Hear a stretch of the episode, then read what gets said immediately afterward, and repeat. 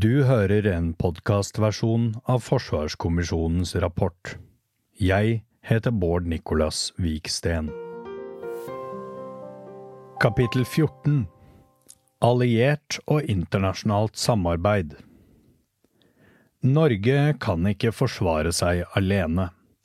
Norge er og forblir avhengig av allierte ved større kriser og i krig.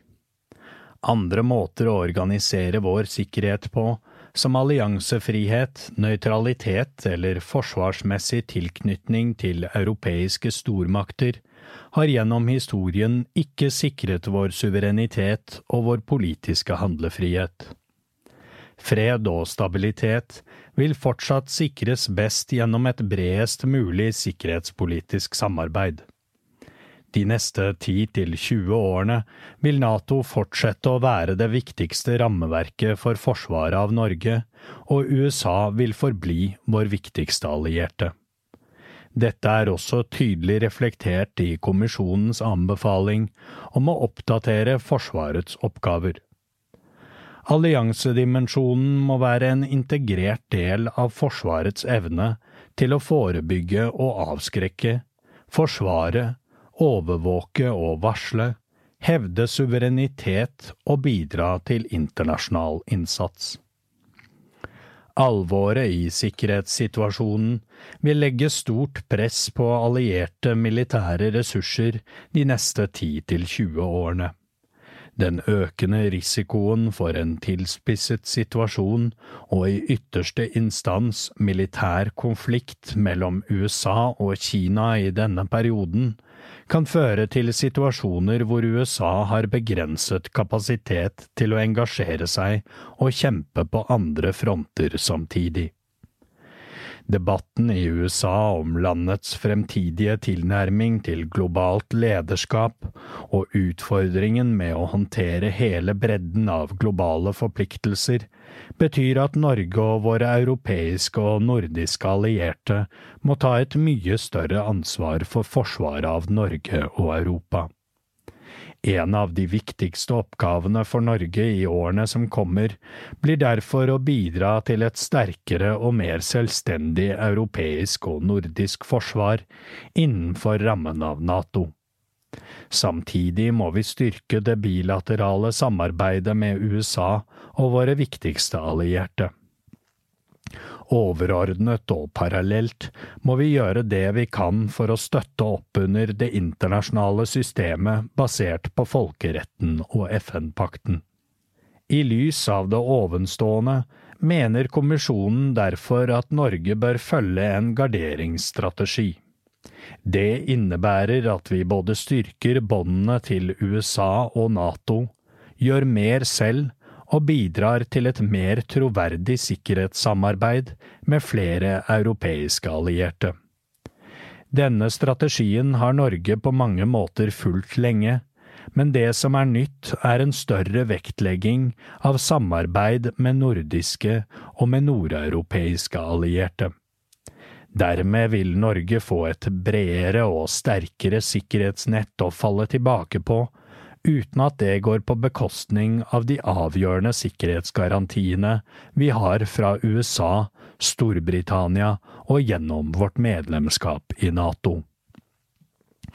Dette kapitlet beskriver hvordan en slik garderingsstrategi bør se ut, og hvordan den kan operasjonaliseres overfor Norges viktigste allierte.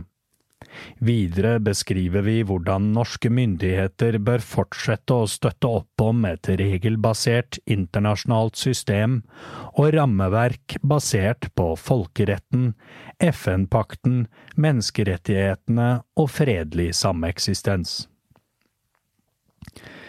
En garderingsstrategi for Norge Norges strategiske utfordring Norges strategiske utfordring de neste 20 årene er å være en småstat i et nabolag som har stor sikkerhetspolitisk betydning for én eller flere stormakter.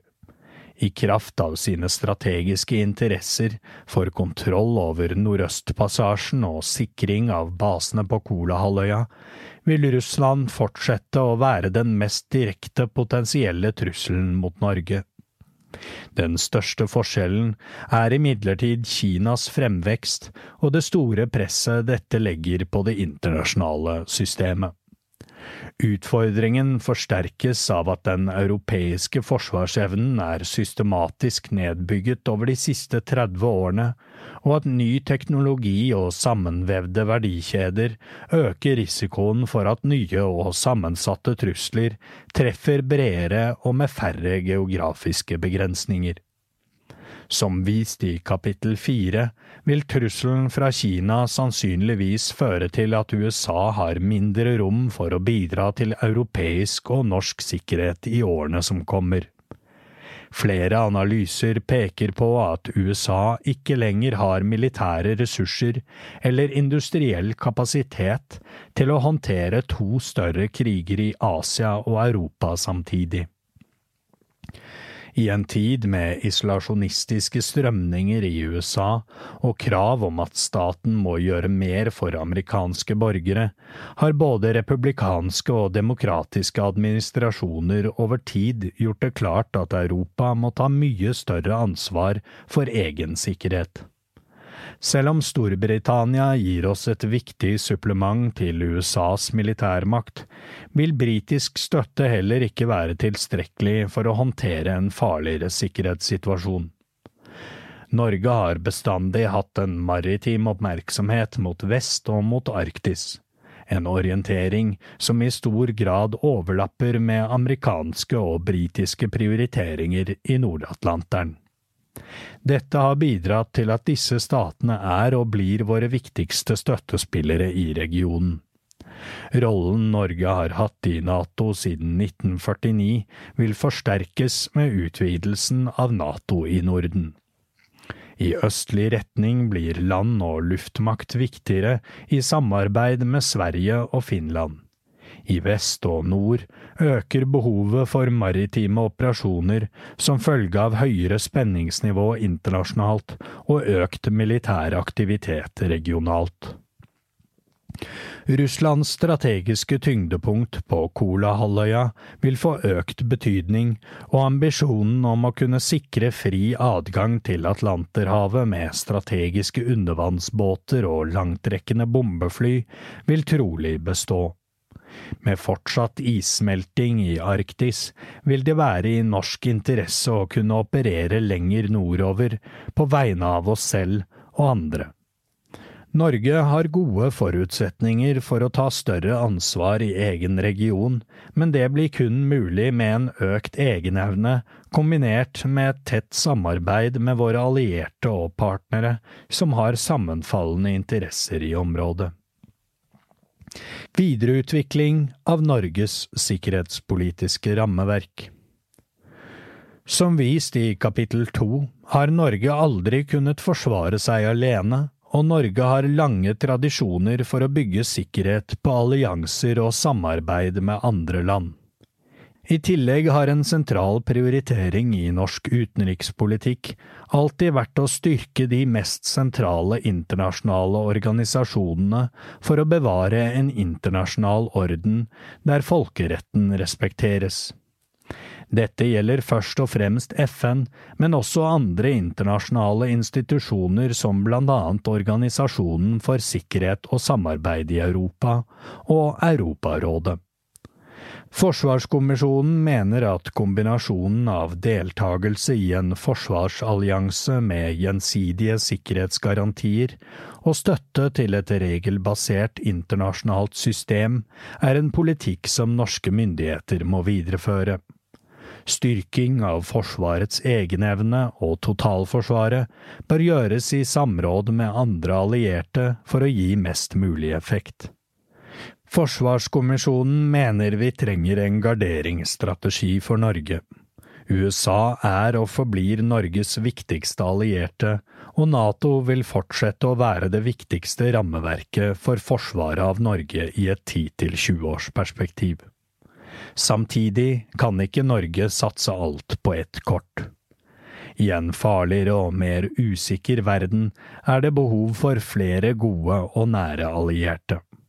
I årene som kommer blir det spesielt viktig å bygge opp en mer troverdig regional evne til å forsvare Nord-Europa og Norden sammen med Storbritannia, Tyskland, Sverige, Finland, Danmark, Nederland og Polen.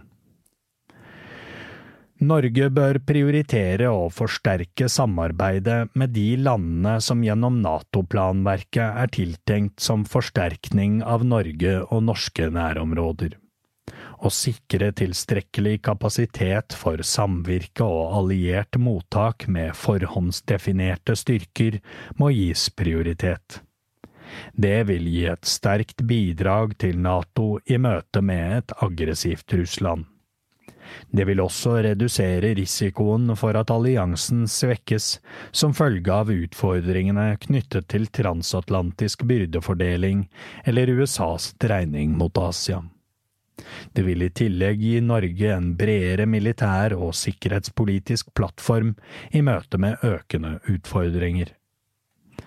Norge har drevet med ulike varianter av gardering i store deler av sin utenriks- og sikkerhetspolitiske historie, selv om det ikke nødvendigvis har vært beskrevet slik.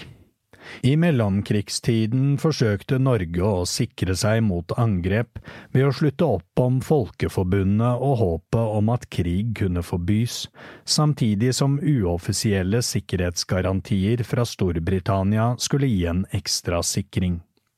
Under den kalde krigen forsøkte Norge å gardere seg mot angrep fra Sovjetunionen gjennom en skiftende balanse mellom avskrekking og beroligelse. En garderingsstrategi for Norge representerer ikke noe helt nytt, men bygger videre på tidligere tradisjoner og erfaringer. Det nye er å legge større vekt på ulike former for bilateralt og regionalt samarbeid i Europa og Norden enn tidligere, innenfor rammen av NATO. En garderingsstrategi kommer også med forpliktelser hvor norske myndigheter må investere enda mer energi og ressurser i å styrke båndene til de landene og samarbeidene vi mener er viktigst. Garderingsstrategien kan sees som en serie gjensidig forsterkende samarbeidsarenaer som støtter opp om Norges strategiske interesser og internasjonal sikkerhet. NATO danner det organisatoriske rammeverket for Norges alliansetilhørighet, og dermed også for militærmakten som skal beskytte oss. Som verdens sterkeste forsvarsallianse bidrar NATO til avskrekking gjennom artikkel fem, som slår fast at et angrep på en av alliansens medlemmer innebærer et angrep på oss alle. NATO har imidlertid ingen egne militære styrker i seg selv, men organiserer, samordner og institusjonaliserer medlemslandenes militære kapasiteter. Beslutningen om å sende militære styrker til unnsetning ligger i de allierte medlemslandenes hender. I en garderingsstrategi er det konstellasjoner av støttespillere med forskjellige kapasiteter og interesser som danner et gjensidig forsterkende sikkerhetsnett rundt Norge. Viktigst er USA, som fortsatt er en supermakt med direkte global innflytelse. USA er det eneste NATO-landet som har kapasitet til å håndtere enhver sikkerhetsutfordring Norge og Vesten kan bli utsatt for. Deretter kommer Norges viktigste europeiske allierte i Nord-Europa, med Storbritannia i en særstilling. Det er også et potensial i samarbeid med Tyskland og Polen, og et stort potensial som ligger i et tett sikkerhetssamarbeid med våre nordiske naboland. Et forsterket samarbeid med EU på særskilte områder som sammensatte trusler, økonomisk sikkerhet, sanksjonspolitikk og forsvarsindustri i Europa vil også være i norsk interesse. Til sist har vi Norge med Forsvarets egenevne, totalforsvaret og samfunnets vilje til å forsvare landet. Den internasjonale rettsorden med vekt på folkeretten, menneskelig frihet, likhet, menneskerettigheter, åpne markeder og demokrati danner Norges førstelinjeforsvar. FN, OSSE og andre institusjoner bidrar til å støtte opp under internasjonale normer og regler som har tjent Norge godt i over 70 år. Norges nettverk av allierte gir et godt utgangspunkt for å bygge en garderingsstrategi der det er flere støttespillere å lene seg på. Europas nesten fullstendige avhengighet av USA for å forsvare kontinentet gjør at det er mye å ta tak i for europeiske allierte. Kostnaden og risikoen kan bli svært høy dersom USA skulle bli bundet opp i Asia eller med seg selv. Dette vil kreve vesentlige bidrag fra Norge og fra våre europeiske allierte skal Norge og våre nordiske og nordeuropeiske allierte få plass i nettet av sterke og tett integrerte europeiske NATO-medlemmer, må gjeldende styrking tilta i hastighet og omfang. USA fortsatt Norges viktigste allierte. USA vil fortsette å være Norges viktigste allierte. Det strategiske og operative samarbeidet med USA, både bilateralt og i rammen av NATO, vil fortsatt være avgjørende for forsvaret av Norge. USA og Norge har felles interesse av fri ferdsel i Nord-Atlanteren, kontroll med Russlands strategiske kapasiteter på Kolahalvøya og et internasjonalt system basert på folkerett og menneskerettigheter. USA søker, sammen med allierte og partnere, å begrense og balansere Russland og Kinas forsøk på å etablere politisk, økonomisk, teknologisk og militær dominans. Med verdens største og mest kapable diplomati, etterretningsressurser og militære apparat og et overlegent nettverk av allierte og partnere, er USA en global sikkerhetspolitisk aktør med enestående innflytelse og betydning. Kinas fremvekst og den nye sikkerhetspolitiske situasjonen i Stillehavsregionen legger stort press på USAs strategiske prioriteringer. I årene som kommer, vil USA etter alle solemerker bruke langt mer av sine ressurser på å demme opp for Kina for å trygge maktbalansen i Asia. Det gjør at Europa og Norge må gjøre langt mer for egen sikkerhet. Europeiske allierte må være forberedt på at USA ikke vil ha alle kapasiteter tilgjengelig dersom de kommer i konflikt med Kina.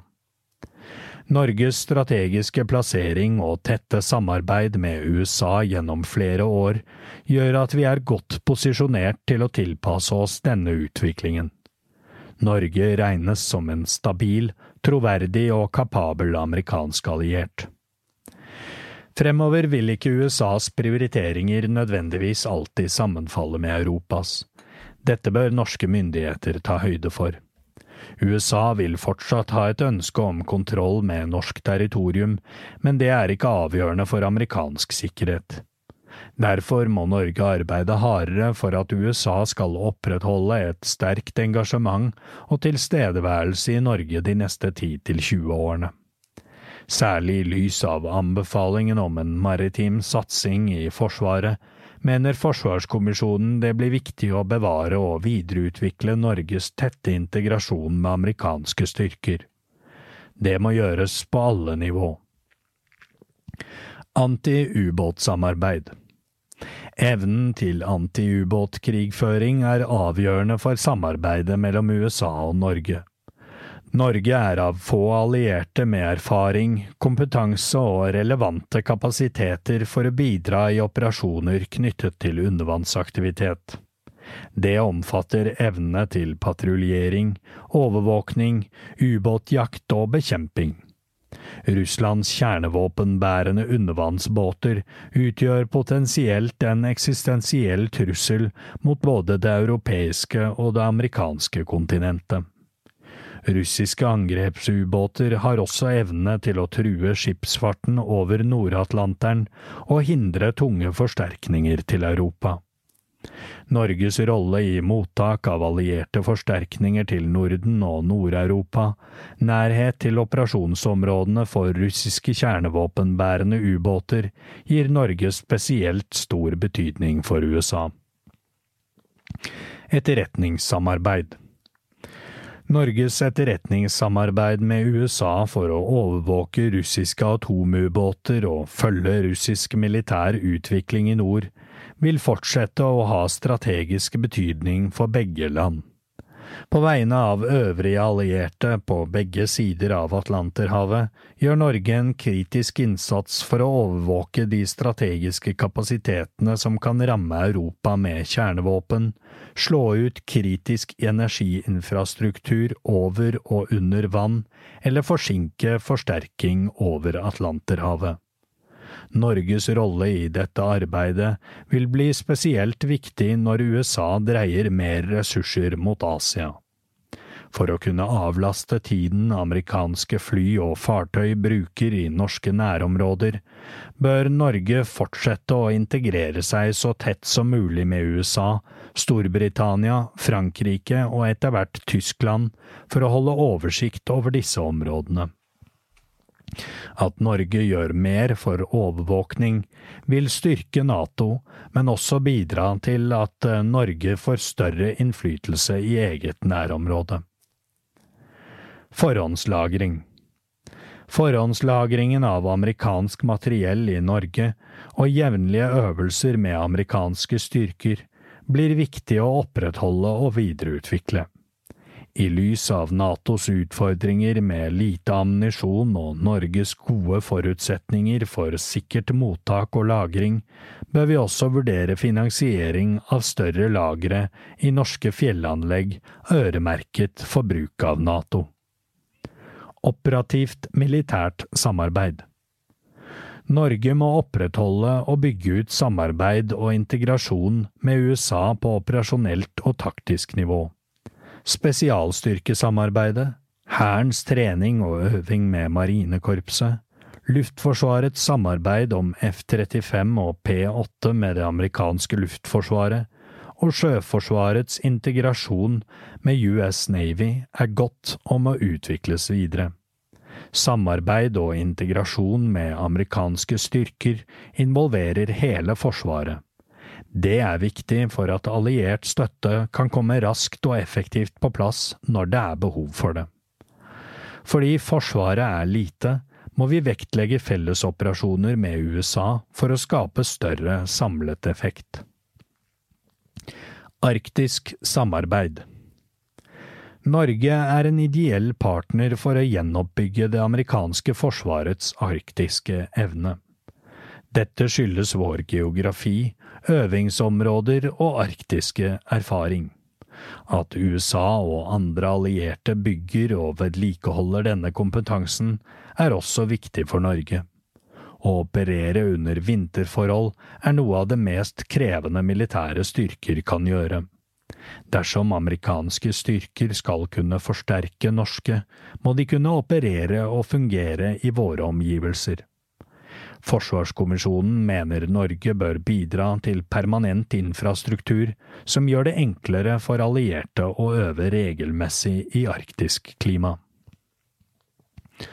Avtale om forsvarssamarbeid Den bilaterale tilleggsavtalen om forsvarssamarbeid med USA, Supplementary Defense Cooperation Agreement, SDCA, danner et godt grunnlag for å videreutvikle samarbeidet med USA. Avtalen er ment å sikre at nødvendig infrastruktur er på plass for at USA kan bidra til å trygge norsk og nordeuropeisk sikkerhet. Avtalen bidrar også til å beholde USAs oppmerksomhet mot forsvaret av Norge. Amerikanske investeringer på norsk territorium styrker Norges forsvarsevne og bidrar til amerikansk forpliktelse overfor Norge og Norden. Dette vil igjen bidra til en positiv utvikling av Forsvarets operative evne og Forsvarets evne til samvirke med allierte styrker. SDCA-avtalen åpner for at det kan etableres flere omforente områder i Norge enn de nåværende fire. Norge bør vurdere å stille seg positiv til flere omforente områder under forutsetning av at avtaler inngås med full respekt for norsk suverenitet, norske lover og folkerettslige forpliktelser. Dette må sees i en bredere nordeuropeisk sammenheng. USA forhandler om tilsvarende avtaler med Danmark, Finland og Sverige. Det kan bidra til større avskrekking, føre til større investeringer i norsk infrastruktur, og samtidig skape et sterkere grunnlag for amerikansk støtte til Finland, Sverige, Baltikum og resten av Østersjøområdet.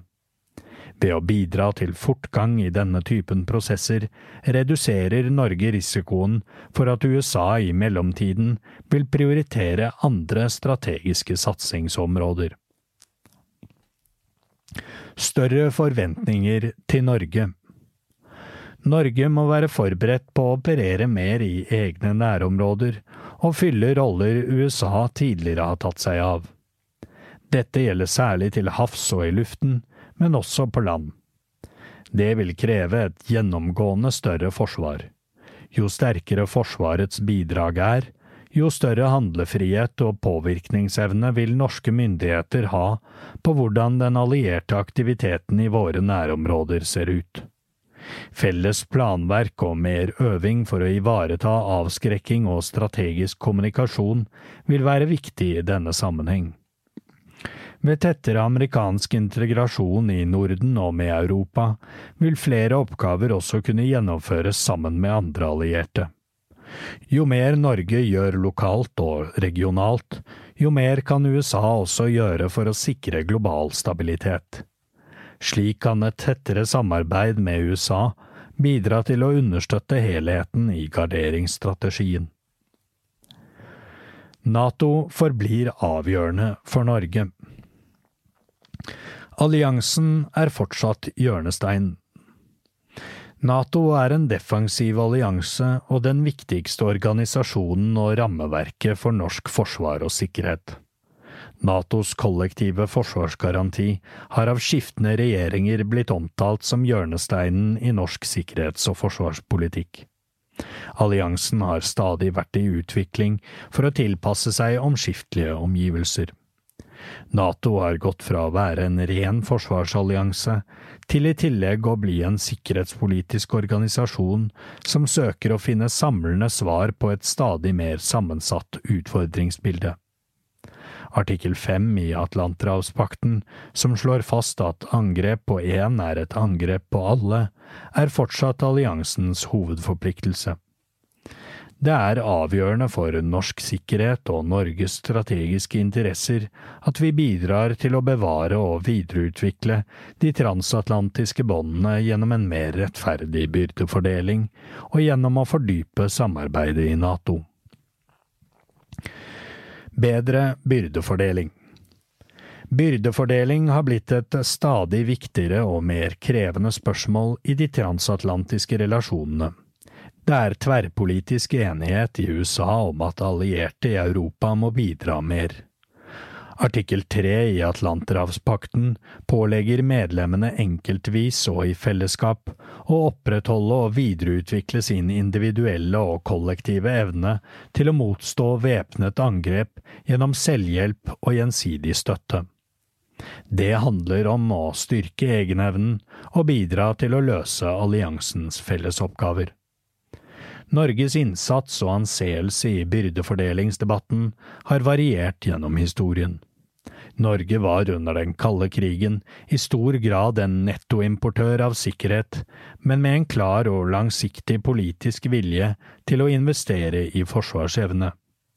Diskusjonene i NATO om å oppfylle målsetningen fra Wales-toppmøtet i 2014 om å bruke minimum 2% av BNP til forsvarsformål har økt intensitet. Norge bruker i 2023 bare om lag 1,43% av BNP på forsvar. Nederland, Danmark, Finland, Sverige og Tyskland har konkrete planer for hvordan de skal nå eller passere 2 %-forpliktelsen. De baltiske land og Storbritannia har lagt planer for forsvarsbudsjetter på over 3% av BNP til forsvar.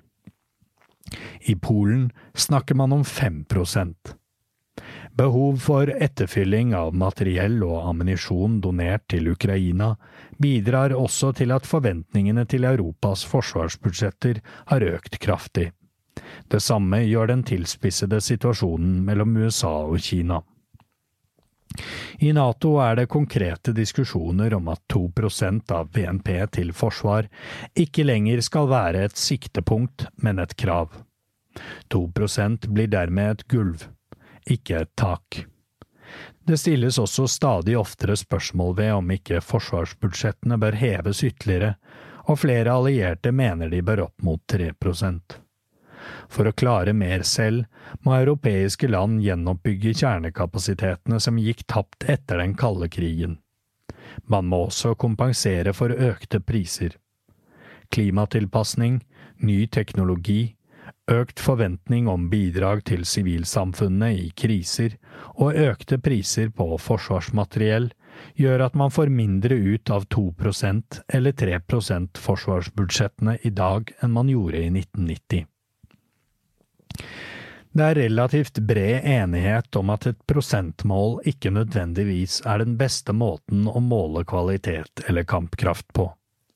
Det er et uttrykk for vilje til å prioritere forsvar, og måler innsats eller input, men ikke effekt eller output. Norge har blant annet argumentert for at befolkningens størrelse bør reflekteres, og at utgiftene som bygger sivil motstandskraft og utholdenhet, bør regnes med. Målet favoriserer land som bruker mye på lønnsutgifter, pensjoner og drift, som for eksempel Hellas. Fordelen med målet er at det er enkelt, tar hensyn til inflasjon og økonomisk vekst, samtidig som det gjør opp for noe av den særegne prisveksten på forsvarsmateriell. Diskusjonene i NATO har derfor ikke ført til noen bedre måte å kravsette forsvarsutgiftene på. Norske myndigheter må forvente at dagens beregningsmåte vil bli videreført når NATO trolig vil beslutte nye mål i 2023. Langtidsplanen fra 2020 var basert på en prognose om å innfri 2 %-målsetningen i Nato innen 2028, og ikke innen 2024, slik Nato ble enige om i 2014. Planen har allerede vist seg utfordrende å gjennomføre, og det ser i dag ikke ut som målsetningen vil bli nådd innenfor gjeldende budsjettbane.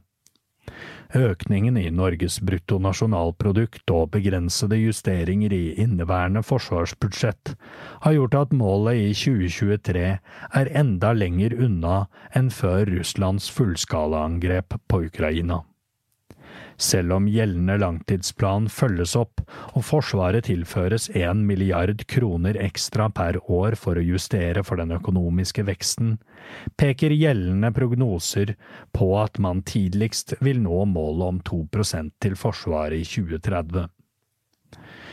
Nato legger opp til en betydelig økning av fellesfinansiering de kommende årene.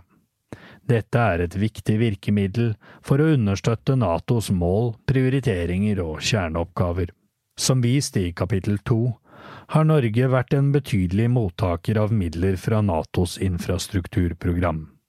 Forsvarskommisjonen mener det er viktig at norske myndigheter fortsetter å jobbe aktivt for å få tildelt midler til infrastrukturprosjekter for å kunne tilrettelegge for alliert mottak og forsterkning i krise og krig.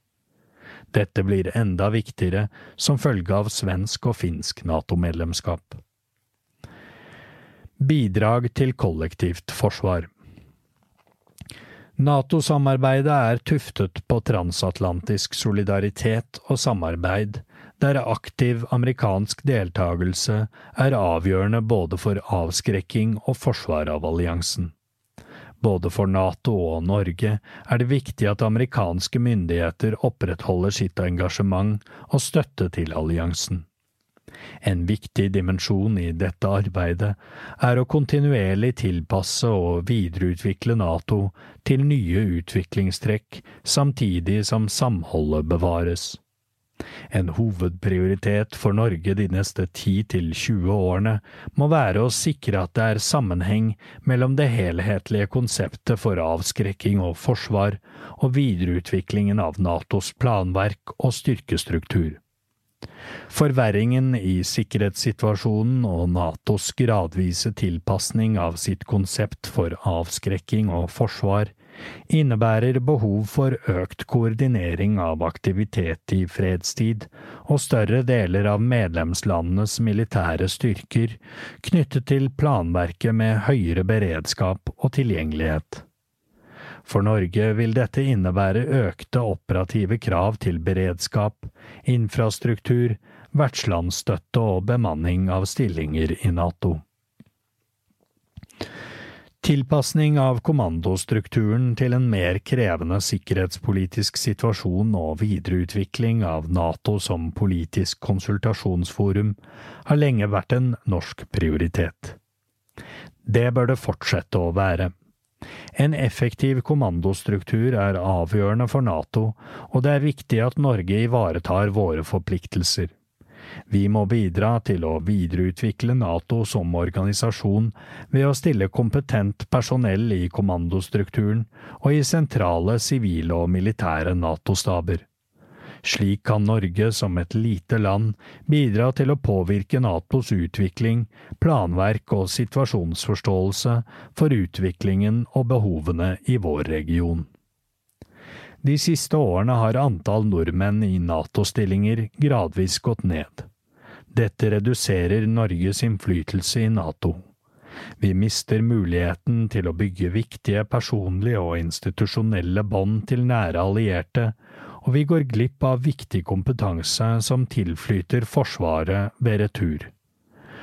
Når Natos kommandostruktur øker i omfang og antall stillinger, må Norge være forberedt på å øke andelen personell i henhold til byrdefordelingsprinsippet i alliansen forsvaret av norsk territorium mot alvorlige trusler, anslag og angrep, skal kunne gjennomføres som integrerte allierte fellesoperasjoner ledet av NATO.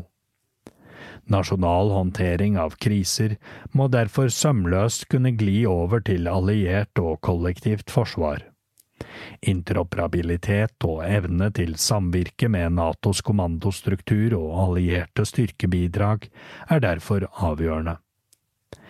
Tilrettelegging for mottak og understøttelse av allierte forsterkninger blir viktigere også i fredstid. Planverk for mottak og integrering av allierte forsterkninger på norsk territorium må holdes oppdatert, og de må trenes og øves. Målet bør være at Norge i de neste 10–20 årene får til en betydelig tettere integrasjon med sentrale allierte og de nordiske landene. Den kollektive forsvarsforpliktelsen er gjensidig, og Norge må kunne stille norske styrker til kollektivt forsvar. Dette inkluderer å stille norske styrker til beredskap for Natos hurtige reaksjonsstyrker, flernasjonale øvelser, beroligelsestiltak, kapasitetsbygging, preventive stabiliseringsoperasjoner, mer tradisjonelle fredsbevarende operasjoner og fredsopprettende operasjoner. Natos forsterkning av fremskutt nærvær i Øst-Europa som følge av Russlands fullskala angrep på Ukraina vil medføre forventninger om styrkebidrag fra norsk side utover dagens nivå. Selv om Norge er det som Nato definerer som en frontlinjestat, vil det fremdeles være forventet at Norge bidrar til det kollektive forsvaret av alliansen i form av bidrag som luftovervåkning og Natos stående maritime styrker. Et av Norges viktigste bidrag til Nato er å bidra til tilstedeværelse og overvåkning i nordområdene. Det vil fortsette å være viktig. Forsvaret må ha kapasitet og evne til å både gjennomføre nasjonale operasjoner i fredstid og samvirke med allierte når disse opererer i våre nærområder. Gjennom tilstedeværelse og aktiv deltakelse i militær aktivitet vil norske myndigheter også få større mulighet til å påvirke allierte operasjoner i nord. Der vi tidligere har måttet overlate kontrollen over operasjoner i våre nærområder fordi vi ikke selv hadde kapasitet til å delta, vil vi kunne forme aktivitetene og fatte avgjørelser rundt spenningsnivået i større grad. Dette øker betydningen av at Norge har egne kapasiteter, slik at vi kan ha en tydelig og troverdig rolle i egne nærområder. Ikke bare vil det gjøre oss i stand til å forsvare oss selv, vi vil få større selvstendighet i vår sikkerhets- og forsvarspolitikk. Vi får også større innflytelse over aktiviteten i våre nærområder. Forsvarskommisjonen mener det er viktig å rendyrke Norges profil i NATO som en troverdig alliert. En alliert som leverer på sine forpliktelser og evner å ta ansvar for egen og andres sikkerhet. Ikke bare i nordområdene, men også til det kollektive forsvaret i andre deler av det euroatlantiske området. Avskrekking, dialog og tillitsskapende tiltak for en ny tid. I NATO har avskrekking og forsvar alltid gått hånd i hånd med tiltak for åpenhet, tillit og nedrustning. Under den kalde krigen ble det etablert en rekke bilaterale og multilaterale avtaler som bidro til mindre militær spenning mellom blokkene. Eksempler er CFE-avtalen om konvensjonelle våpen, START-avtalen og INF-avtalen om kjernefysiske våpen, samt Open Skies-avtalen og Wien-dokumentet om gjensidige inspeksjoner som tillitsskapende tiltak annet knyttet til øvelser. Som beskrevet i kapittel to har begrepene avskrekking og beroligelse vært en spesielt viktig del av Norges konfliktforebyggende strategi. Balansegangens tyngdepunkt og hvor stor vekt som er blitt lagt på beroligende og avskrekkende tiltak, har hele tiden blitt tilpasset skiftende strategiske omgivelser. Det er liten tvil om at balansen i NATO mellom avskrekking og dialog er endret som følge av Russlands angrep på Ukraina. Det gjør NATO og Norges politikk for avskrekking og beroligelse av Russland både viktigere og mer krevende de neste 10–20 årene. For å gjøre støtten fra NATO troverdig, besøker allierte skip, fly og fartøy ofte Norge og norske nærområder for å trene med norske styrker og vise at man har evnen til å forsvare Norge og nordområdene. Med økt spenning og mer militær aktivitet i nord er det fortsatt viktig å unngå misforståelser og uønsket eskalering. Det er i Norges interesse å fremme stabilitet og forutsigbarhet i nord, og bidra til å holde spenningen så lav som mulig i Arktis. Norge, Danmark, Sverige og Finland vil få en viktig rolle i å kalibrere alliert militær aktivitet i regionen på en måte som sørger for troverdig avskrekking og nødvendig stabilitet. Derfor tar Forsvarskommisjonen til orde for å justere tittelen i Forsvarets oppgave 1 til å forebygge og avskrekke, for å tydeligere reflektere denne kombinasjonen i en farlig tid. Norges forhold til Russland er grunnleggende endret etter angrepet på Ukraina. Forsvaret må være forberedt på at den negative situasjonen kommer til å vare og potensielt bli mye verre. I et 10–20 års perspektiv må norske myndigheter samtidig ta høyde for at forholdet til Russland kan utvikle seg i ulike retninger. Dette er drøftet i kapittel fire. Norge kan ikke endre sin geografi og beliggenhet. Norske myndigheter må opprettholde relasjoner til Russland på områder som er i norsk interesse, særlig når det gjelder utviklingen i nordområdene. Regjeringen må arbeide langsiktig og legge planer for lokale og regionale svingninger i sikkerhetssituasjonen over tid. Det er viktig å jobbe målrettet for forutsigbarhet og stabilitet i våre nærområder. Forsvarskommisjonen mener det er viktig at Norge bidrar til at Nato og allierte land gjennomfører militær aktivitet i nærområdene på en måte som minimerer risiko for kriser, hendelser og episoder som kan eskalere til væpnet konflikt. Å videreutvikle en strategi for kalibrert avskrekking sammen med våre allierte bør derfor være en hovedprioritet. Samtidig må vi opprettholde kontakt og samarbeid med Russland på områder som er av interesse for vår felles sikkerhet. På det sikkerhets- og forsvarspolitiske området må norske myndigheter være forberedt på å gjenoppta sikkerhetspolitisk dialog når tiden er moden for det, samt opprettholde kontakter på militært nivå, samt konsultasjoner og samarbeid på områder der det er mulig og hensiktsmessig. Eksempler er søk og redning, grensevakt og mekanismene i Incidents at Sea-avtalen.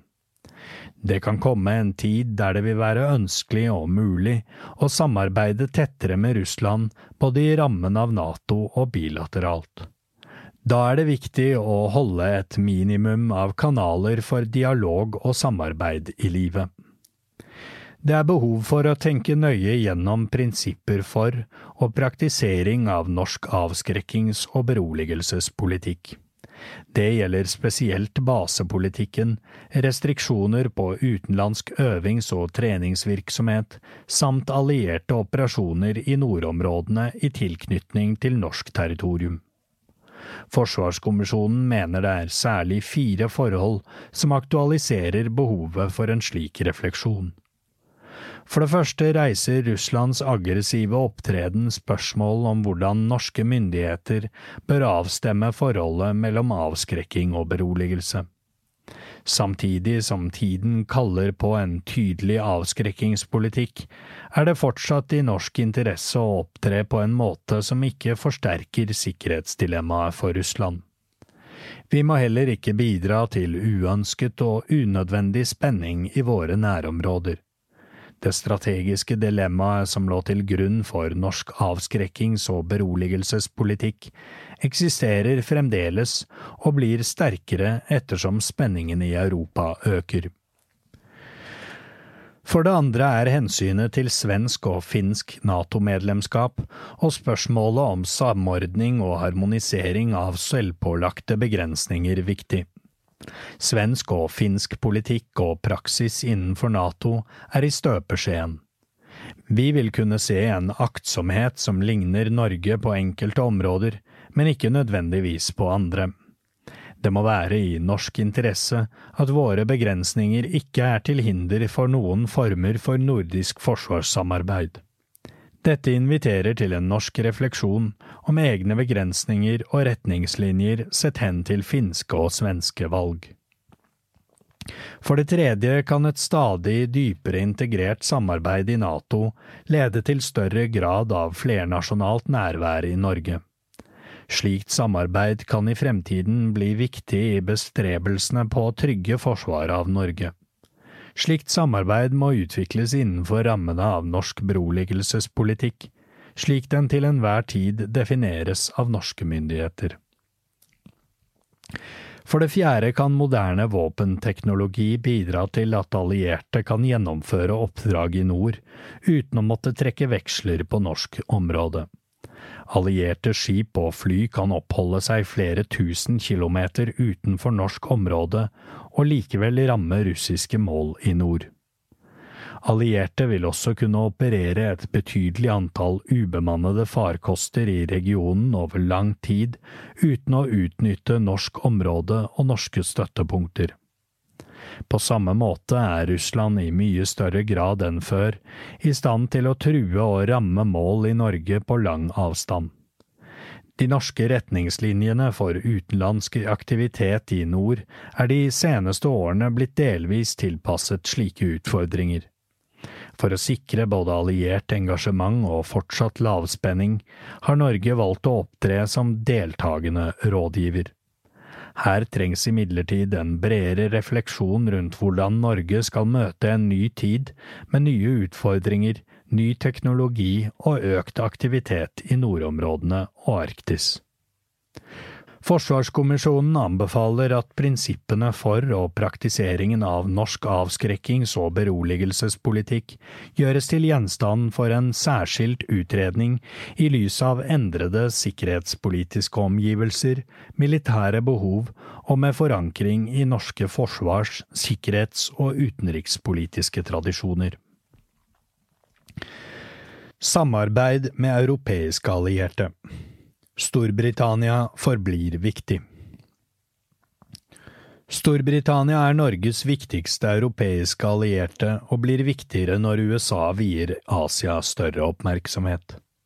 For å videreutvikle garderingsstrategien mener Forsvarskommisjonen at et av de viktigste stegene er å bygge opp et enda sterkere, dypere og mer konkret samarbeid med Storbritannia. Landets marine interesser i nordområdene og eksistensielle interesse av fri ferdsel i Nord-Atlanteren gjør at Storbritannia er en ideell partner i arbeidet for en norsk maritim satsing. Blant annet felles interesser i Nordsjøen og energipolitisk avhengighet bringer våre to land sammen.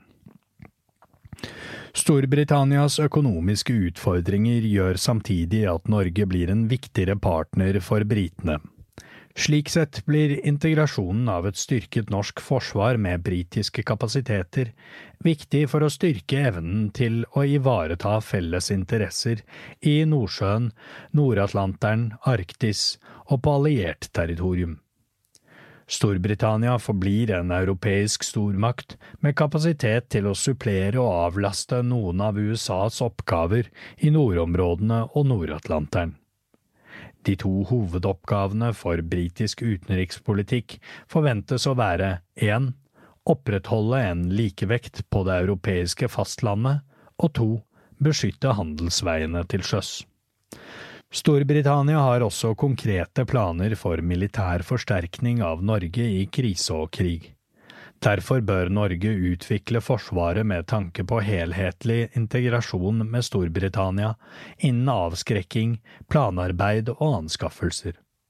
Samtidig blir det viktig at Norge bidrar mer inn i samarbeidet med egne kapasiteter som kan samvirke i operasjoner med britene. Det er for eksempel en kjent utfordring at Storbritannia mangler nok støttefartøy til sine hangarskipsgrupper. Norske fregatter og ubåter kan spille en viktig rolle i å bidra til at disse kapasitetene får sin fulle utnyttelse i alliert sammenheng. Norge kan søke dypere samarbeid med Storbritannia på flere andre områder. Særlig innen det maritime ligger et potensial som bør utnyttes fullt ut. Relevante områder er anti-ubåtkrigføring, maritim overvåkning, spesialstyrkeoperasjoner, etterretningssamarbeid samt spredning og rotasjon av F-35 kampfly. Betydningen av å videreutvikle operative planer og forhåndslagring av ammunisjon, drivstoff og reservedeler blir også viktigere i et 10–20-årsperspektiv. Britiskledede Joint Expeditionary Force, JEF, danner et godt utgangspunkt for allierte fellesoperasjoner i Nordsjøen og Baltikum. JEFs primære geografiske oppmerksomhet er Nord-Atlanteren, nordområdene og Østersjøregionen. Sverige og Finlands NATO-medlemskap gjør at Jeff kan få ny kraft og forsterkede synergier i Norden og i Nord-Europa.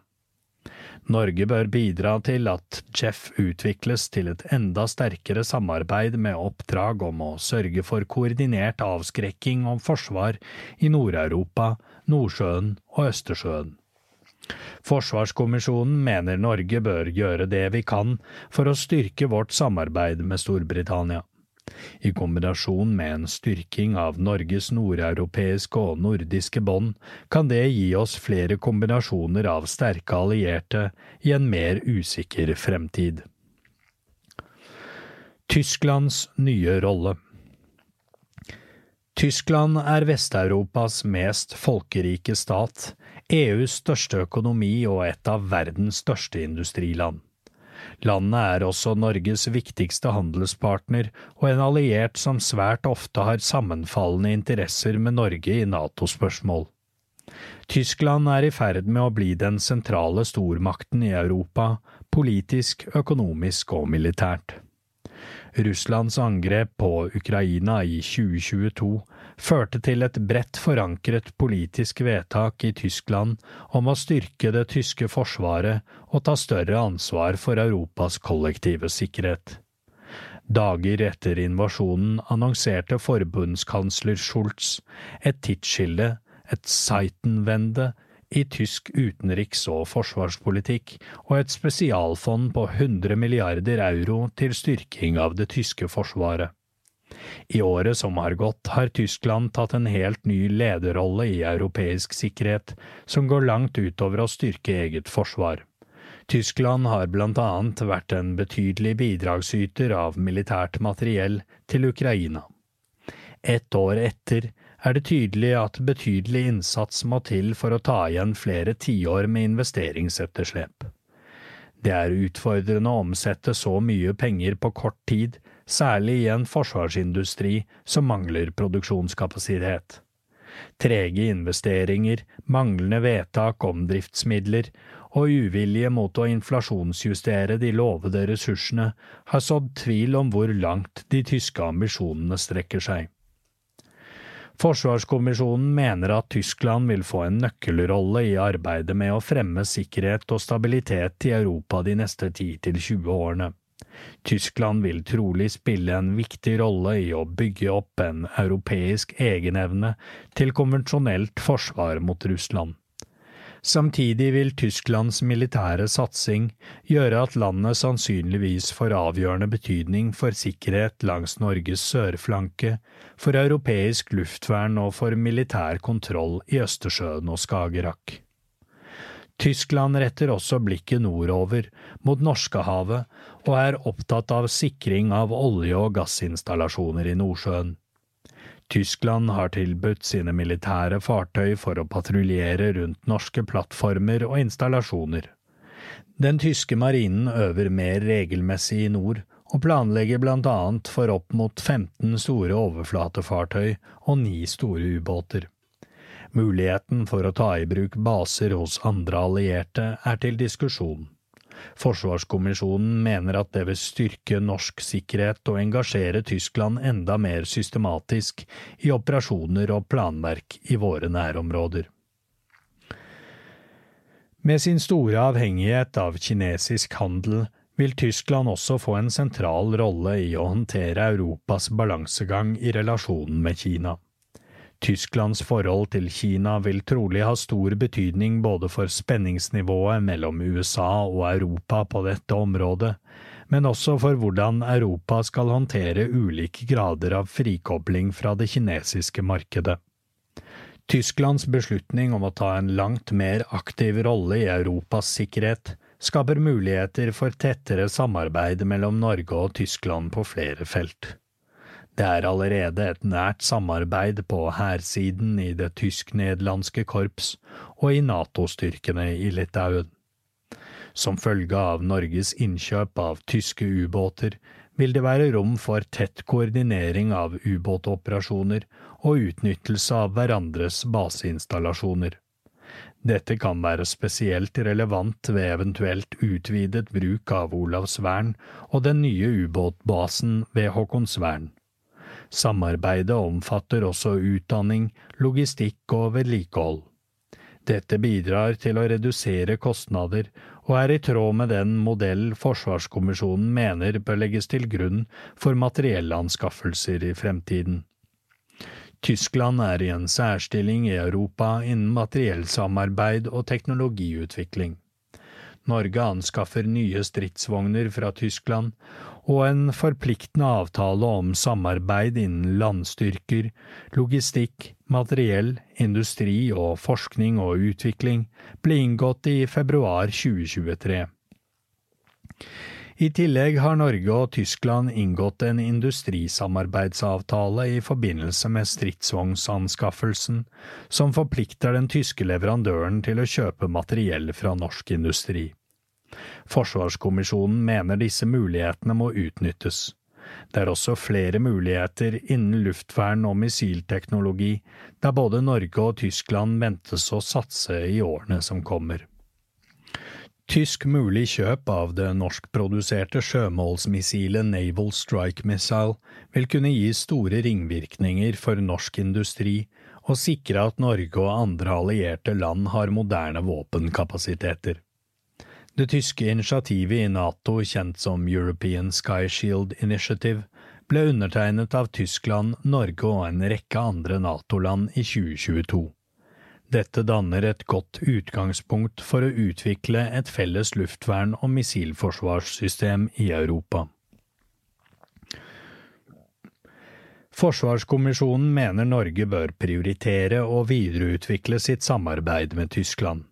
Sammen med en styrking av Norges transatlantiske og nordiske bånd får norsk sikkerhets- og forsvarspolitikk flere kombinasjoner av sterke allierte å støtte seg til i en farligere og mer usikker fremtid. Frankrikes unike betydning Frankrike er en europeisk stormakt med en sentral rolle i EU og NATO, og innen spørsmål knyttet til kjernevåpen, migrasjon og internasjonal terrorisme. Landet har en viktig og strategisk rolle for europeisk og norsk sikkerhet og stabilitet, herunder for Natos sørflanke. Frankrikes kjernefysiske kapasitet innebærer at landet har stor interesse av kontroll med russiske atomvåpenubåter i Barentshavet. Det gjør at Frankrike også har interesse av operasjoner i våre nærområder og tilgang på etterretning. Frankrikes beliggenhet sør i Europa og historiske interesser øst og sør i Middelhavet gjør at Frankrike spiller en spesielt viktig rolle i å trygge det europeiske sør. Norge har blant annet samarbeidet med Frankrike om stabiliserende operasjoner i Mali og bidratt til arbeidet med å håndtere migrantstrømmer i Middelhavet. Dette kan bli viktig også i fremtiden. Den store franske forsvarsindustrien bidrar dessuten til at Frankrike kan bli en viktig aktør i gjenoppbyggingen av en europeisk forsvarsindustri. I en fremtid hvor Europa må gjøre mer for å bygge større grad av strategisk autonomi, vil det bli et avgjørende spørsmål hvor man kjøper sitt forsvarsmateriell. Frankrike har et industrielt grunnlag som kan gjøre dem til en viktig aktør i europeisk forsvars- og romindustri de neste årene. Dette er noe Norge bør ta høyde for. Frankrike spiller også en viktig rolle i EUs arbeid mot sammensatte trusler, og er en drivkraft for å sikre stordriftsfordeler gjennom militærindustrielt samarbeid. Samtidig må Norge søke å motvirke eventuelle tendenser til å bygge opp parallelle strukturer i EU som kan duplisere, konkurrere med eller i verste fall svekke NATO. Det er viktig for Norge å bidra til en fortsatt styrking av samarbeidet med sentrale europeiske allierte. Det er i Norges interesse å bidra til at integrasjonen med disse landene blir så tett som mulig, samtidig som det tas grep for å styrke europeiske alliertes evne til å stå i krise og krig på egen hånd og over tid. Forsvarskommisjonen mener det er viktig at Norge videreutvikler sitt samarbeid med Frankrike, med mål om å øke Europas militære egenevne og bygge evne til å skape sikkerhet og stabilitet langs Europas sørlige grense. Et utvidet samarbeid med Frankrike kan bidra til å trygge europeisk sikkerhet, både i møte med statlige og ikke-statlige sikkerhetsutfordringer. Andre viktige europeiske allierte Nederland er en viktig alliert for Norge i NATO, og et land Forsvaret har lange tradisjoner med om vintertrening i nord, kampflysamarbeid og tett operativt samarbeid på hærsiden. Nederlands planer om en drastisk styrking av forsvarsbudsjettet gjør at landet potensielt kan bidra mer til et sterkt nordeuropeisk samarbeid. Nederland er en aktiv bidragsyter til Nato og EUs forsøk på å hente ut større stordriftsfordeler fra europeisk militærindustri, samt EUs tiltak for å bedre Europas motstandsdyktighet mot sammensatte trusler. Nederland har som småstat også tradisjonelt stått Norge nært i å forsvare en internasjonal rettsorden. Landet har også bidratt til å sette nedrustning, rustningskontroll og tillitsskapende tiltak på dagsordenen i NATO. Forsvarskommisjonen mener det er viktig at forsvarssamarbeidet med Nederland kombineres med forholdet til andre nordeuropeiske alliertes forsvarssatsing, slik at vi kan styrke forsvaret av Nord-Europa. Polen vil bli en stadig mer sentral aktør for Europas sikkerhet i årene som kommer. Landet er i ferd med å utvikle en av Europas største militære styrker, og gjør betydelige anskaffelser av militært materiell. Polen har planer om et forsvarsbudsjett på minst 3% og kanskje opp mot 5% av BNP. Et forsvar med opp mot 1500 stridsvogner, 1000 kampvogner, 500 rakettartillerienheter og 300 000 soldater gjør at Polen også vil bli en helt sentral aktør i forsvaret av Sentral-Europa, Østersjøen og Baltikum. USA satser mye på å videreutvikle forsvarssamarbeidet med Polen, og anser landet som avgjørende i forsvaret av det europeiske kontinentet. Polen har også markert seg som en viktigere forsvarsindustriell aktør, blant annet med salget av håndholdt luftvern til Norge i 2022. Forsvarskommisjonen mener Norge bør se på mulighetene for å styrke samarbeidet med Polen i årene som kommer. Polen vil være en viktig og sterk aktør i forsvaret av Europas grense i øst, der Norge også bidrar. Dette kan også føre til synergieffekter i samarbeidet med de andre nordeuropeiske og nordiske landene, herunder landene i Baltikum. Et sterkere Norden i NATO Verdien av allierte naboer de nordiske landene er i et sikkerhetspolitisk skjebnefellesskap som blir tydeligere med finsk og svensk NATO-medlemskap. Finland ble medlem 4. april 2023, og Forsvarskommisjonen legger til grunn at Sverige snart følger etter. Dette er en historisk mulighet til å styrke norsk og alliert sikkerhet. En viktig del av en norsk garderingsstrategi vil være å søke integrasjon med våre nordiske allierte på så mange områder som mulig. Her kan og bør Norge ta initiativ og vise lederskap for gode og effektive prosesser. Et sterkere samarbeid med Sverige, Finland, Danmark og Island vil gjøre hele regionen bedre rustet for ytterligere utfordringer for europeisk og transatlantisk samhold og stabilitet. Utviklingen i Norden må ikke sees isolert, men som en del av et forsterket samarbeid i Nord-Europa. Den økte fremtidige integrasjonen med Sverige og Finland har spesielt stor betydning for et felles forsvar av Norden. Det styrker også relasjonen til USA og Storbritannia, og det blir enklere å beskytte og samarbeide med de baltiske land. Det legger til rette for samarbeid i hele Østersjøregionen. Slik bidrar Sveriges og Finlands medlemskap i NATO ikke bare til å styrke forsvaret av Norge, men også til å styrke regional sikkerhet.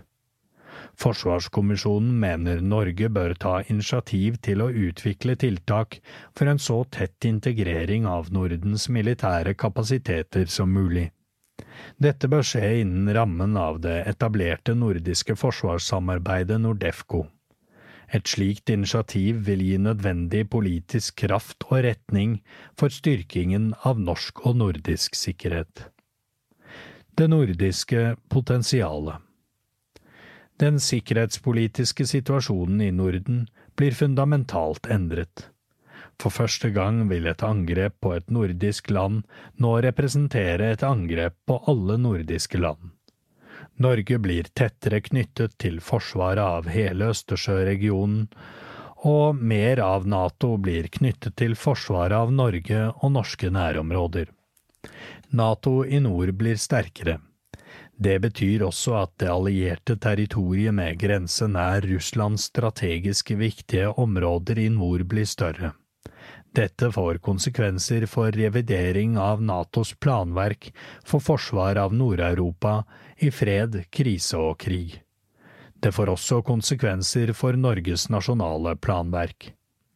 Av hensyn til regional sikkerhet, stabilitet og norske interesser må Norge være sentral i de allierte prosessene med å tilpasse seg denne situasjonen. Med Sverige og Finland i Nato vil de nordiske landenes strategiske ulikheter styrke regionens sikkerhet.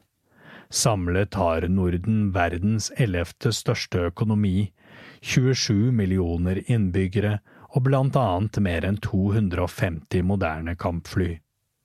De nordiske landene vil få ansvar og innflytelse over et svært viktig geostrategisk område.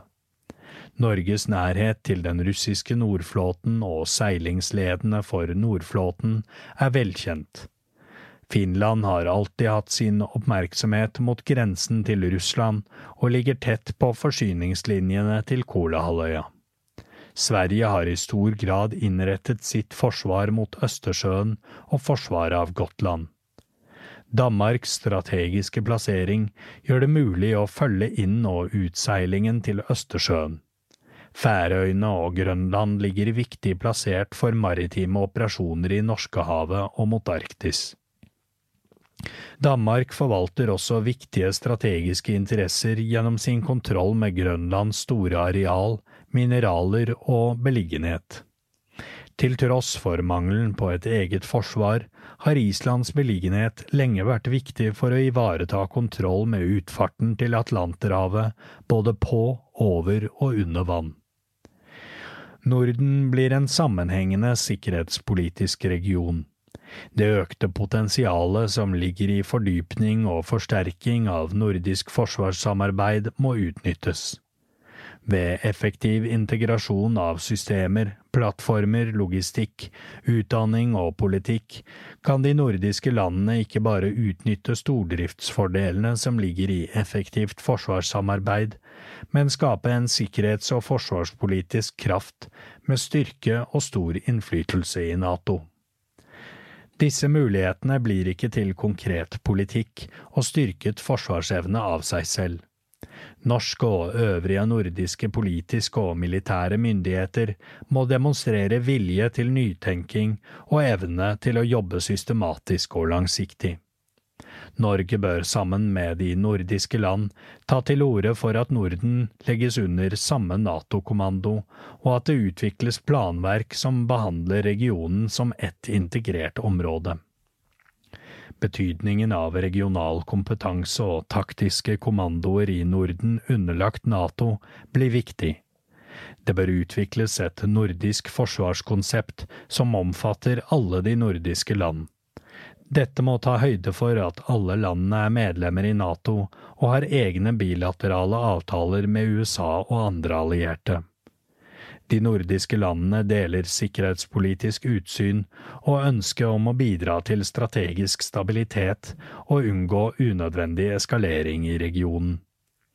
Som del av en større nordisk gruppe i NATO vil de nordiske landene også kunne utøve større innflytelse på områder som tradisjonelt har vært viktige for nordiske land. Dette gjelder blant annet stabiliserende tiltak som sikkerhetspolitiske konsultasjoner åpenhet, kjernefysisk nedrustning og ikke-spredning. Vektlegging av klimasatsing, menneskerettigheter, flyktningespørsmål og en relativt restriktiv holdning til bruk av militærmakt vil kunne få større effekt. Forsvaret av det nordiske området vil nå kunne planlegges og organiseres på en langt mer helhetlig måte. Det forutsetter et felles operativt planverk i Norden, og det må utvikles felles doktriner, taktikker, teknikker og prosedyrer. Forsvarskommisjonen legger til grunn at dette arbeidet ville ha høy prioritet i nordiske hovedkvarter og NATO-staber de kommende årene. Det nordiske forsvarssamarbeidet som er bygget opp i rammen av Nordefco, kan videreføres som en grunnstamme i arbeidet med å få dette til. Det må imidlertid ikke være til hinder for nødvendig nordisk integrasjon med amerikanske og britiske kapasiteter og med planverk for øvrige allierte i Østersjøregionen. Nordefco kan videreføres som et konsultasjonsorgan og bidra til økt tempo og effekt av kommende planprosesser i NATO-rammen, men også for sivilmilitære samarbeidsområder. Pådriverrolle for Norge Utgangspunktet for tettere operativt samarbeid og integrasjon i Norden er godt. En intensjonsavtale om samarbeid om operasjonsplanlegging ble inngått i 2020. Avtalen går ut på å tilrettelegge for samarbeid om operativt planverk mellom de tre landene, med sikte på koordinering av operasjoner på Nordkalotten i krise og væpnet konflikt. Avtalen er en konkretisering og utdypning av det tette militære samarbeidet mellom de tre landene og ble oppdatert i november 2022. Slike formaliseringsprosesser av det nordiske samarbeidet vil bare øke i takt og omfang den kommende tiden. Her må Norge ikke bare støtte, men lede an i integrasjonsmuligheter der det er i norsk interesse. Operativt samarbeid mellom nordiske land og luftstyrker har allerede kommet langt. Bindende folkerettslige forpliktelser i rammen av NATO vil gjøre at de nordiske styrkene kan organiseres og disponeres friere over et langt større område. Dette skaper muligheter for felles avdelinger og økt effekt av de nordiske landenes militærmakt. Ambisjonsnivået må være realistisk, og baseres på det enkelte lands interesser og Natos behov. Med en styrking av Forsvarets egenevne som kommisjonen tar til orde for, kan Norge ta initiativ til en rekke konkrete tiltak i nordisk ramme. Det er naturlig at Forsvaret innrettes for å ta en lederrolle blant nordiske forsvar på Nordkalotten, i Barentshavet og langs norskekysten. Øvrige nordiske forsvar kan innrettes for lederroller innen de områder og retninger som samlet gir best utnyttelse av nordiske kapasiteter og utsyn. For Norge kan det innebære at Forsvarets kapasiteter egnet for operasjoner i deler av Nordsjøen, Kattegat og Østersjøregionen i perioder kan være koordinert eller ledet av svenske, finske eller danske avdelinger. Integrasjon og lederskap må gå begge veier. Norskekysten og norske havner og flyplasser har stor betydning for alliert forsterkning vestfra til Nord-Europa.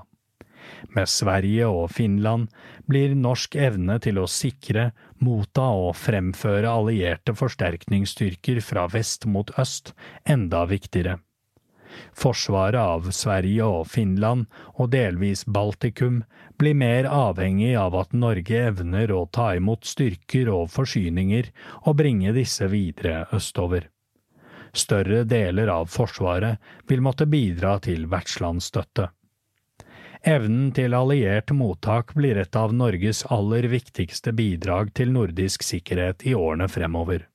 Her må Norge ha en proaktiv og løsningsorientert tilnærming i planutvikling, øving og utvikling av felles kapasiteter og systemer.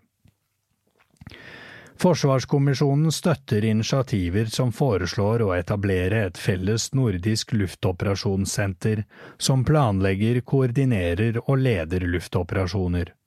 Her har Norge verdifull kompetanse på allierte luftoperasjoner og relevant infrastruktur som kan legge til rette for et slikt tiltak. Sømløs utveksling av luftradarinformasjon og en mer integrert tilnærming til luftmilitær tilstedeværelse, beredskap og operasjoner i Norden vil ha stor strategisk verdi. Ved å kunne utnytte hverandres baser, spre ressursene og benytte flere veiakser, er man mindre sårbar. Ved å se på muligheter av gjensidig interesse kan også fremtidig drift og utvikling av allerede vedtatte kapasiteter få større nytte. På landsiden ligger forholdene godt til rette for en arbeidsdeling mellom Norge, Sverige og Finland. Norge har sin landmilitære tyngde i nord, Finland i øst og Sverige i sør. Alle tre land bør videreutvikle operativt samarbeid på landsiden, da landterritoriet nå er blitt en alliert øy. Norge har kompetanse, infrastruktur og operativ tilstedeværelse for å kunne lede nordiske hær- og HV-avdelinger i nord. En videreutvikling av Hæren og Heimevernet bør ha dette som ambisjon. Norges behov for en maritim satsing er geografisk mot nordvest. Det er nord og vest av norskekysten at norsk maritim innsats har størst effekt for norsk, nordisk og alliert sikkerhet. Det betyr ikke at maritimt samarbeid i nordisk ramme er irrelevant. Ved å forstå den nordiske regionen som ett sikkerhetspolitisk område, blir det også naturlig å anerkjenne svensk, dansk og finsk maritim innsats i og ved Østersjøregionen som et direkte bidrag til norsk sikkerhet og forsvaret av Norge. På samme måte er Forsvarets maritime operasjoner, særlig i nordområdene, et direkte bidrag til alle nordiske lands sikkerhet. En langsiktig forsterkning av norsk maritim egenevne i nord åpner for at Norge i perioder kan lede og koordinere andre nordiske maritime ressurser i våre viktigste interesseområder. Styrket egenevne gir også kapasitet til at Norge i større grad kan bidra i maritim aktivitet i Skagerrak, Kattegat og Østersjøen. Økt nordisk og nordeuropeisk integrasjon i maritime operasjoner er i norsk interesse. Forsvaret kan og bør være i front for å legge til rette for dette. Flere øvelser og et nordisk totalforsvar. Som følge av at Norden inngår i et integrert operasjonsteater, bør det også tas grep for å få på plass flere nordiske øvelser i alliert ramme. Øvingssamarbeidet blant nordiske land kan og bør bli tettere. Det er positivt at større fellesoperative og flernasjonale øvelser som Cold Response nå kan planlegges og gjennomføres i nordisk ramme. Nordic Response gjennomføres i 2024 og vil være en viktig øvelse for totalforsvarsaktørene i å tilpasse planer og ansvarsfordeling for understøttelse i Norden. Tilsvarende kan Norden dele på ansvaret for å være vertskap for store NATO-øvelser som Trident Juncture. Forsvarskommisjonen mener man så snart som mulig bør få i stand en fast fellesnordisk øvingssyklus på land, sjø og luftsiden, så vel som fellesoperative øvelser. Felles situasjonsbilde om cyberangrep, påvirkning og sammensatte trusler og økt adgang til å benytte nordiske veinett, havner og flyplasser i fred, krise og krig bør komme på plass så fort som mulig. Dette er tiltak som gir store muligheter for økt forsvarsevne uten store økte kostnader. De nordiske land bør gå sammen om å styrke totalforsvarssamarbeidet, som omtalt i kapittel 13. Alle nordiske land har erfaring med totalforsvarstanken, om enn med egne variasjoner og noe ulikt omfang. Potensialet for nordisk samarbeid på dette området er stort. Det gjelder særlig innen forsyningssikkerhet dersom krig eller krise skaper hindringer for ressursflyten til våre land. Med svensk og finsk medlemskap i NATO kan det nå planlegges for gjensidig støtte i fred, krise og krig. Her har Norge gode forutsetninger for å ta initiativ og lederskap for å utforske grep til det beste for nordisk motstandsdyktighet, felles situasjonsforståelse og ressursutnyttelse. Forsvarskommisjonen mener en nordisk ekspertgruppe bør vurdere tiltak innen totalforsvar som kan gi effekt på tvers av Norden, og hvilke ressurser dette vil kreve. Synkronisering av langtidsplanlegging Det er også mulig å samkjøre langtidsplanleggingen mellom landene. Det er et ønske i Nato at de fleste land samordner sin forsvars- og langtidsplanlegging til tilsvarende fellesprosesser i Nato. Det har vist seg krevende, og det er fortsatt mange land som planlegger i utakt med sine naboer og Nato som helhet. I nordisk ramme vil det nå være en god anledning til å sette en ambisjon for at langtidsplanlegging bør være synkronisert og mest mulig samkjørt. De nordiske land bør samarbeide om å oppfylle Natos styrkemål. Det vil gi politisk forutsigbarhet på tvers av landegrenser og en mulighet til å finne gode løsninger. Forsvarskommisjonen mener også at det bør arbeides for å bygge mer forpliktende og systematiske samarbeid mellom militære forsknings- og utdanningsinstitusjoner i nordisk ramme. Samarbeid om anskaffelser, drift og vedlikehold gir mulighet for vesentlige stordriftsfordeler, men kan også by på utfordringer. Tidligere materiellsamarbeid og samarbeid for å utvikle militære kapasiteter har ikke gitt effekter eller besparelser av særlig betydning i nordisk ramme. Ulike nasjonale industriinteresser og regulatoriske forhold er det viktigste hinderet. Det er ikke gitt at dette blir enklere når landene blir allierte, men små land som de nordiske kan ikke unnlate å forsøke. Kapasitetsplanleggingen i NATO kan bidra til at operative behov sees i sammenheng, og samkjøring av prosesser på tvers av land kan gjøre det enklere å synkronisere beslutninger og anskaffelser. Særlig på ammunisjonssiden virker det også å være stort potensial for at de nordiske landene kan fylle egne hull og bygge opp nødvendige kapasiteter i tilfelle krise og krig. Forsvarskommisjonen mener det er mulig og ønskelig å jobbe for en felles materiellpark blant de nordiske og nordeuropeiske landene på lang sikt. Historie og geografi gir ulike prioriteringer. I den raske utviklingen som nå skjer, mener Forsvarskommisjonen det er viktig å være realistisk. Det gjelder både for hvor fort endringene i Norden og Nord-Europa kan finne sted, men også erkjennelsen av at noen av de begrensningene som har preget det nordiske forsvarssamarbeidet, vil vedvare.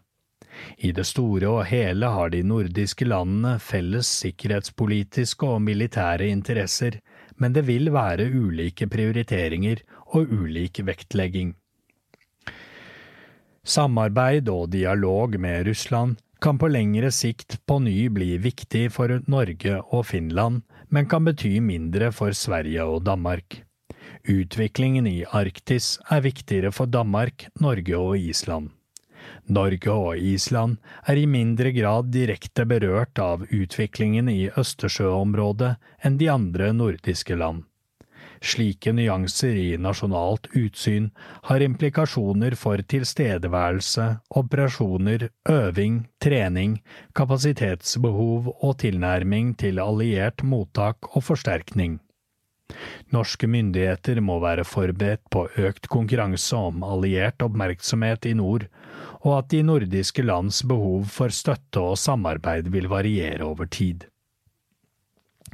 Det er et paradoks at de nordiske landene ikke har kommet lenger etter så mange år med formalisert sikkerhets- og forsvarssamarbeid. Det skyldes ikke bare ulik alliansetilknytning, men også manglende vilje til å oppgi noe av den nasjonale handlefriheten.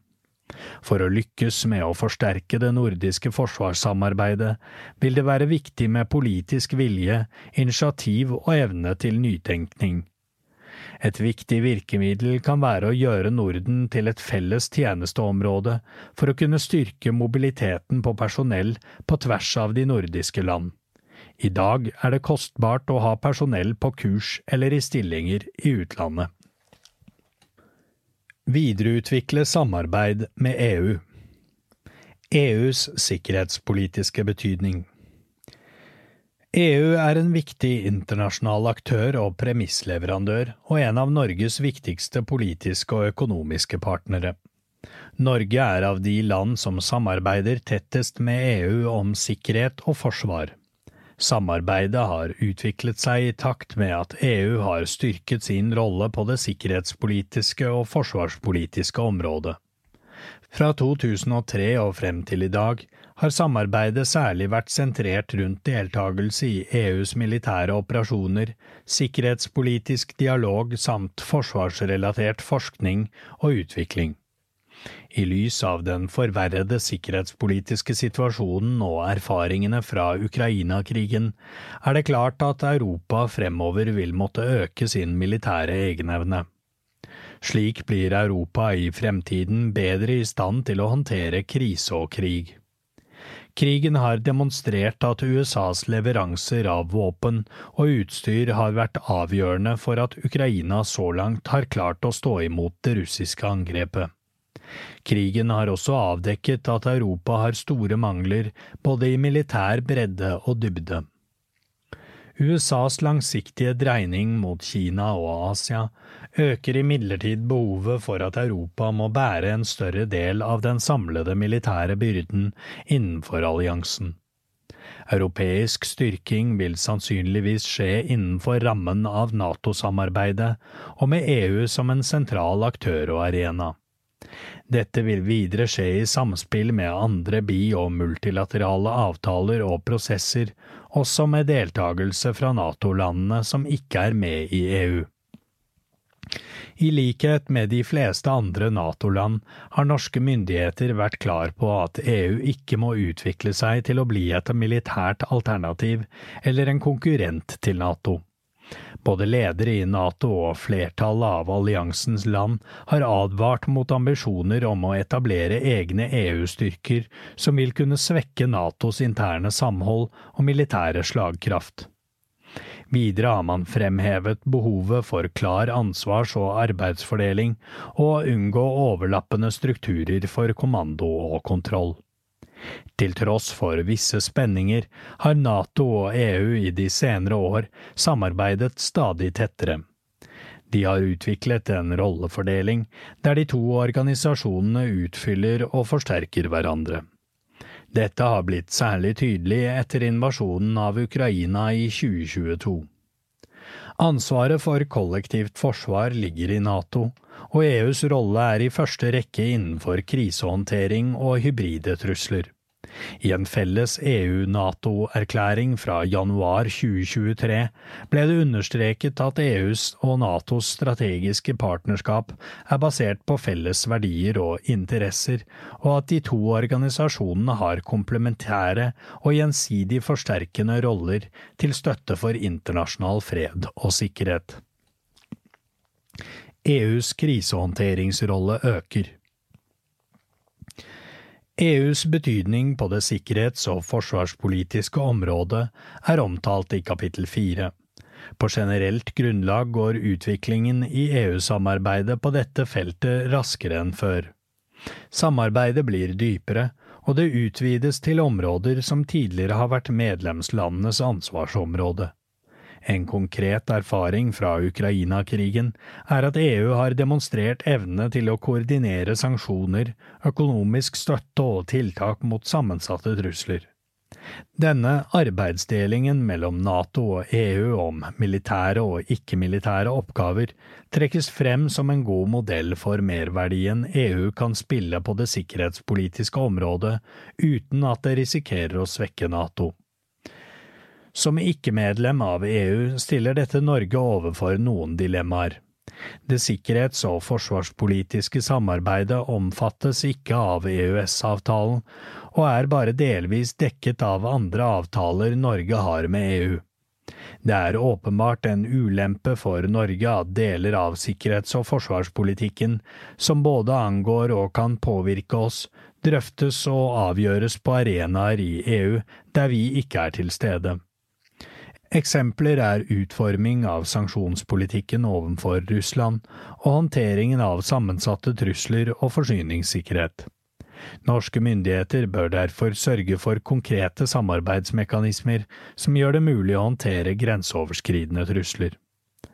Norge bør også ha avtaler med EU som gjør det mulig å skaffe oss det utstyret og de forsyningene som er kritisk viktige. Norge har allerede flere samarbeidsflater med ulike deler av EU-systemet for å ivareta noen av våre nasjonale interesser. Gjennom EØS-avtalen deltar Norge i dag i EUs ordning for sivil beredskap og krisehåndtering. Som del av ordningen inngår også opprettelsen av en egen reserve av ressurser som kan benyttes ved katastrofer. Norge deltar også i det europeiske byrået for nett- og informasjonssikkerhet, som er særlig viktig i lys av det stadig voksende omfanget av trusler i det digitale domenet. Norge deltar i tillegg i flere av EUs romprogrammer, som blant annet sikrer at norske aktører kan delta i EUs satellittsystemer, bakketjenester og tilhørende tjenester for norske brukere. EU har også ivaretatt et arbeid for å kontrollere direkte utenlandsinvesteringer. Dette kan få spesielt stor betydning i møte med sikkerhetstrusselen fra kinesiske og andre ikke-allierte investeringer i kritisk infrastruktur. Intensivert operativt og fredsindustrielt samarbeid. EU opprettet i 2004 det europeiske forsvarsbyrået European Defence Agency, EDA, for å fremme forsvarssamarbeid i unionen, og her har Norge deltatt aktivt siden 2006 gjennom en egen avtale. I 2017 ble Det europeiske forsvarsfondet, EDF, etablert for å koordinere og øke nasjonale investeringer i forsvarsforskning og øke interoperabilitet mellom nasjonale styrker. Dette ble Norge tilknyttet i 2021. Hensikten med EDF er å styrke forsvarsrettet forskning og utvikling. EDF gir annet støtte til prosjekter som skal utvikle forsvarsmateriell og teknologi. Det er i Norges interesse å være en del av et fremtidig utvidet forsvarssamarbeid i EU for å dra fordeler av eventuell standardisering og lavere stykkpris fra masseproduksjon. I tillegg er EU også et viktig eksportmarked for norsk forsvarsindustri, slik at samarbeidet kan bidra til å styrke norsk industris vilkår, samt øke samarbeidet med sentrale land som Tyskland. I 2008 ble EUs permanente strukturerte forsvarssamarbeid, PESCO, opprettet. PESCOs mål er å øke den strukturelle integrasjonen mellom medlemslandenes væpnede styrker. EU har også åpnet for at Norge kan delta i enkeltprosjekter i PESCO, hvor de fleste av EUs medlemsland er med. Norge, USA og Canada bidrar for eksempel til PESCO-prosjektet om militær mobilitet. Prosjektet er viktig for å kunne flytte militære styrker over landegrensene i krise eller krig. Videre bruker EU en større andel av sitt felles budsjett til å finansiere forskning, utvikling og anskaffelser av forsvarsmateriell. Norske forsvarsforskningsmiljøer er relativt små, og opprettholdelse og utvikling av kunnskapsmiljøer er avhengig av internasjonalt samarbeid, herunder med EU. På den operative siden har Norge siden tidlig på 2000-tallet deltatt i flere av EUs militære krisehåndteringsoperasjoner. I 2004 inngikk vi en avtale om norsk deltakelse i EUs flernasjonale bataljonsstridsgrupper. Disse er tenkt anvendt i krisehåndteringsoppdrag, men har så langt aldri blitt deployert. Etter utbruddet av Ukraina-krigen i 2022 har EU imidlertid også utviklet mer direkte operative militære funksjoner, som trening av ukrainske soldater og koordinering av våpenhjelp. Her har Norge så langt dels kanalisert sine bidrag gjennom Storbritannia, og dels etter hvert også gjennom EUs European Peace Facility. Muligheter og utfordringer for Norge. Den videre utviklingen av sikkerhets- og forsvarspolitikken i EU vil trolig skje i ulik hastighet på ulike områder. Selv om Norge er fremhevet som en særskilt viktig partner i EUs strategiske kompass, kan ikke norske myndigheter ta for gitt at Norge involveres tidlig nok i politikkutvikling, eller at det er mulig å påvirke beslutninger som Norge har stor interesse av. Når europeisk samarbeid endres, må norsk politikk utvikles og tilpasses. Nye metoder for best å ivareta våre sikkerhetsinteresser må vurderes. Kommisjonen vil understreke betydningen av et nært og aktivt forhold til EU for norsk sikkerhet, forsvars og beredskap i tiden fremover.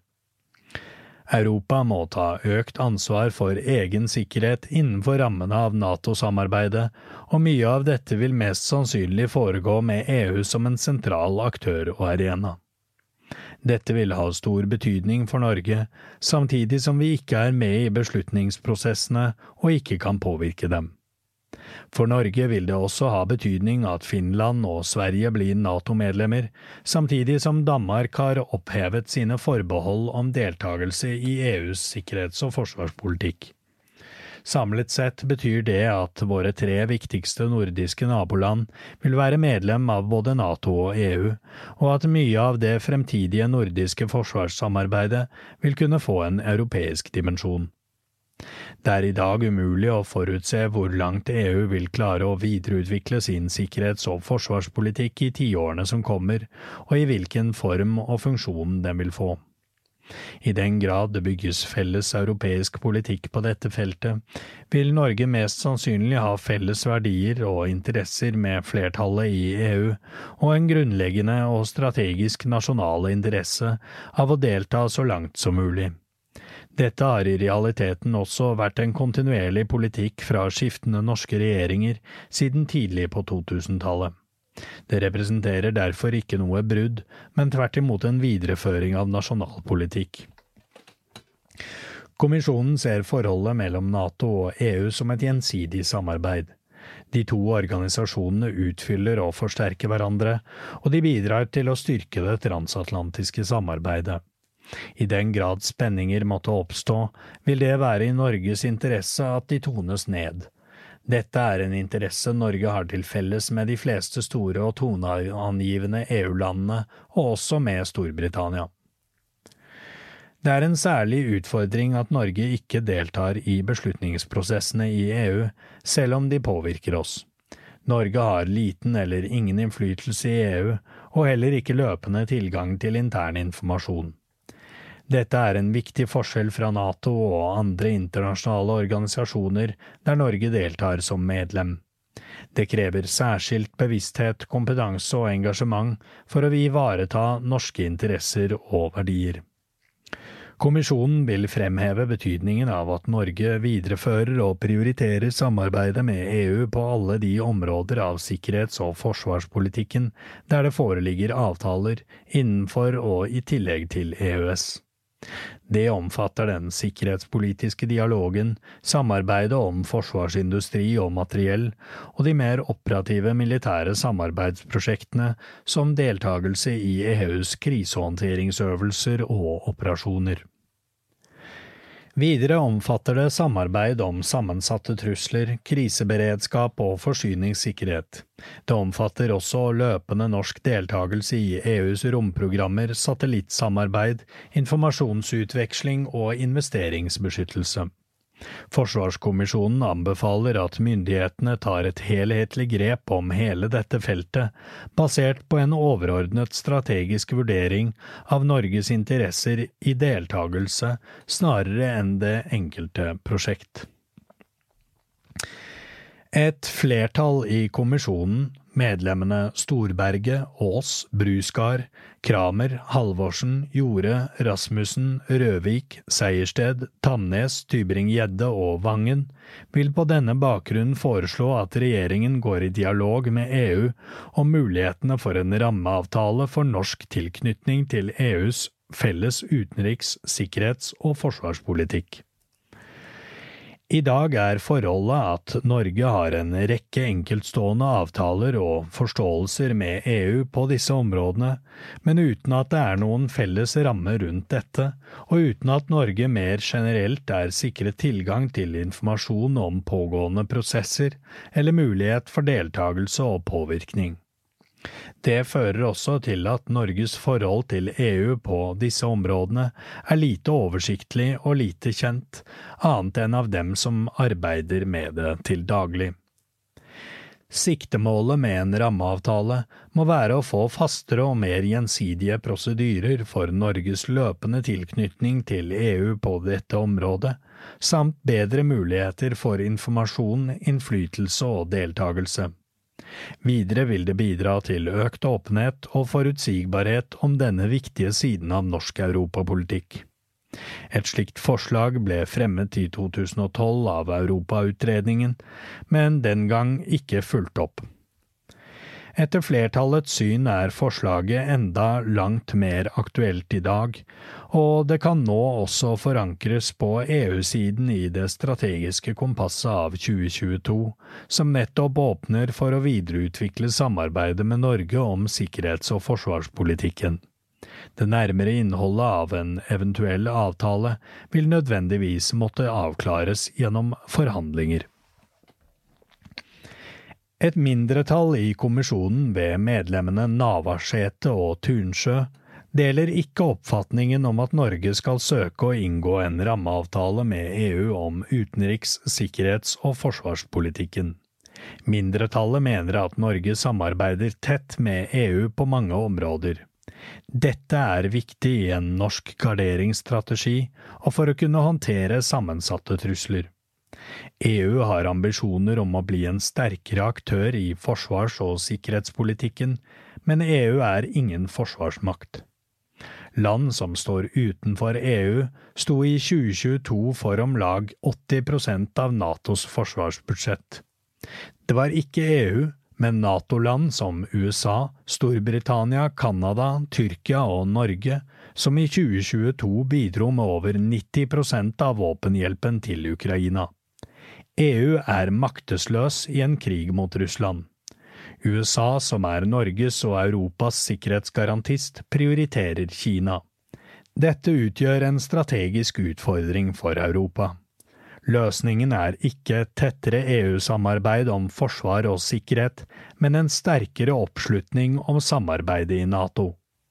Norge bør derfor investere mer ressurser i å opprettholde sitt forhold til USA og støtte opp om NATO, snarere enn å inngå en fastere rammeavtale med EU om en felles sikkerhets- og forsvarspolitikk som mindretallet mener kan undergrave NATO og transatlantiske relasjoner.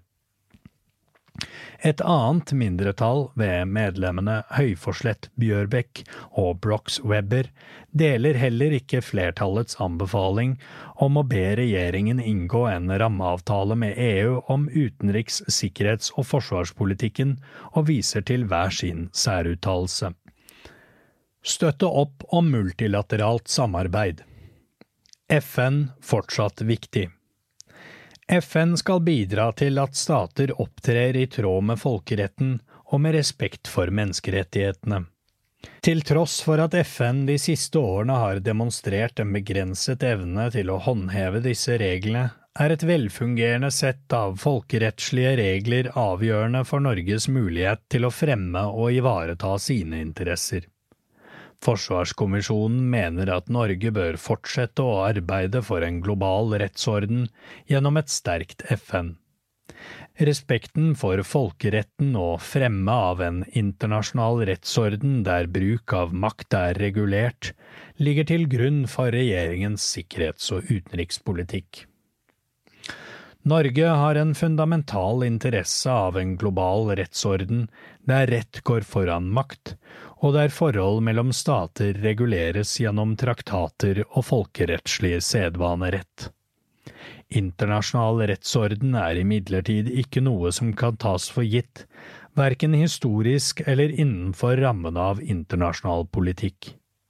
Det vi i dag kaller det internasjonale samfunn, er forankret i viktige prinsipper knyttet til statssuverenitetsprinsippet og FN-pakten.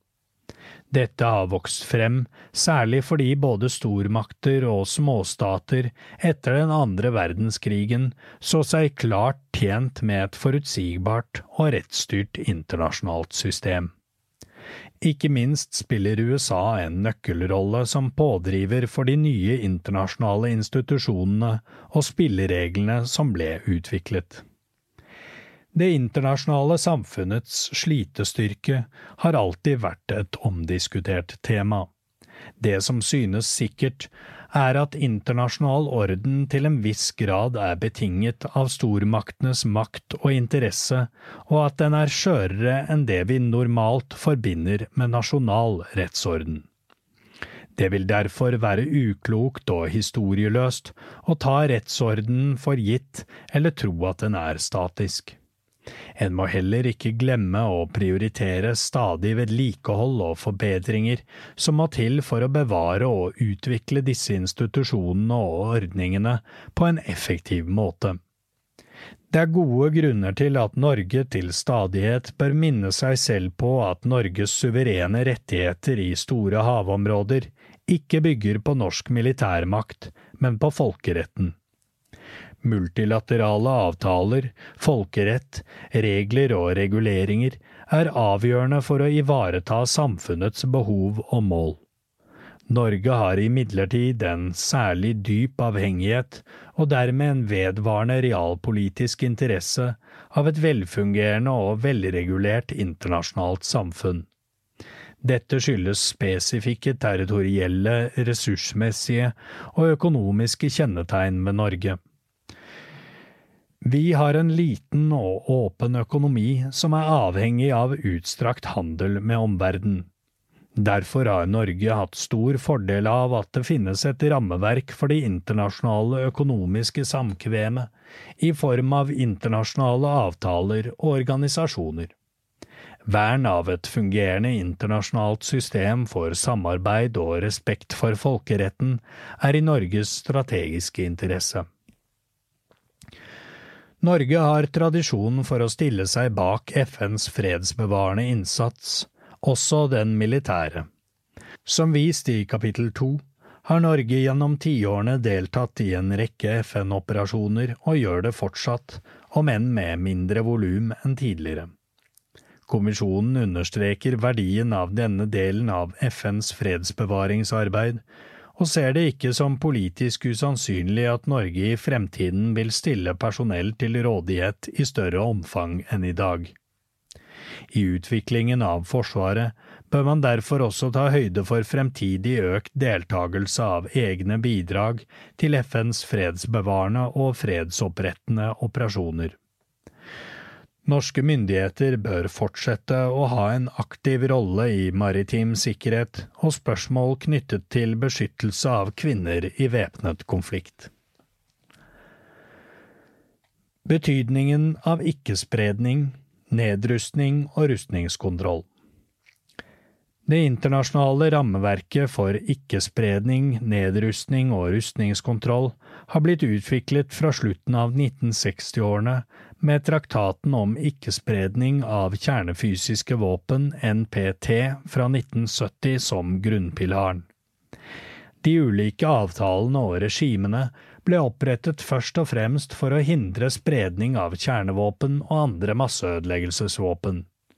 For det andre skulle de redusere antallet missiler og konvensjonelle våpen. Norge har alltid vært en sterk pådriver for ikke-spredning og internasjonal rustningskontroll, og dette har vært en integrert del av norsk sikkerhetspolitikk. Norsk diplomati har i årtier hatt en tydelig profil i nedrustningspolitikken internasjonalt, både i FN, de ulike institusjonene og regimene, men også i NATO. Selv om mange forbinder NATO primært med militære kapasiteter og styrkemål, har nedrustning alltid vært en del av Natos virkemidler og prioriteringer dersom forholdene har ligget til rette for det.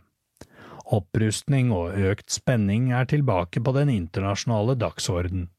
En indikasjon er Russlands kunngjøring i februar 2023 om å suspendere deltagelsen i nedrustningsavtalen Ny start fra 2010.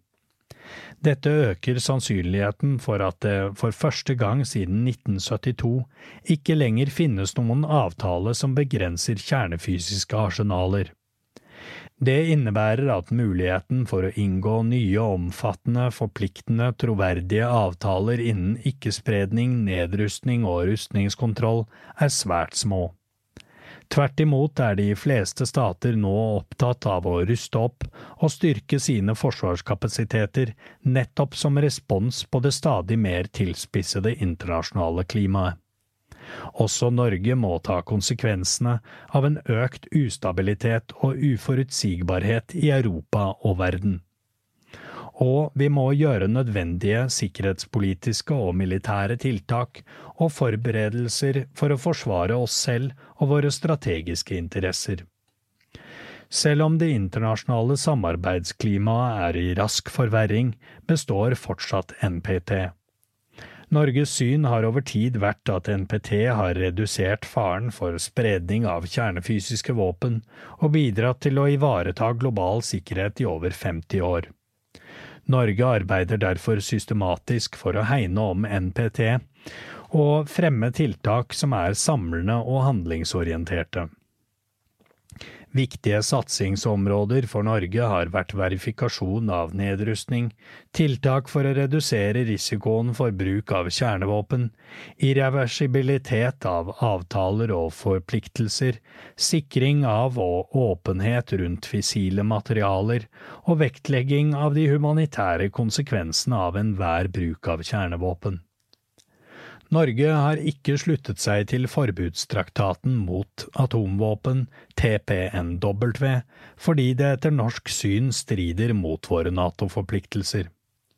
NATO har ved flere anledninger vist til at traktaten ikke er konsistent med alliansens kjernefysiske avskrekkingspolitikk, at den risikerer å undergrave NPT og ikke tar hensyn til dagens sikkerhetspolitiske situasjon.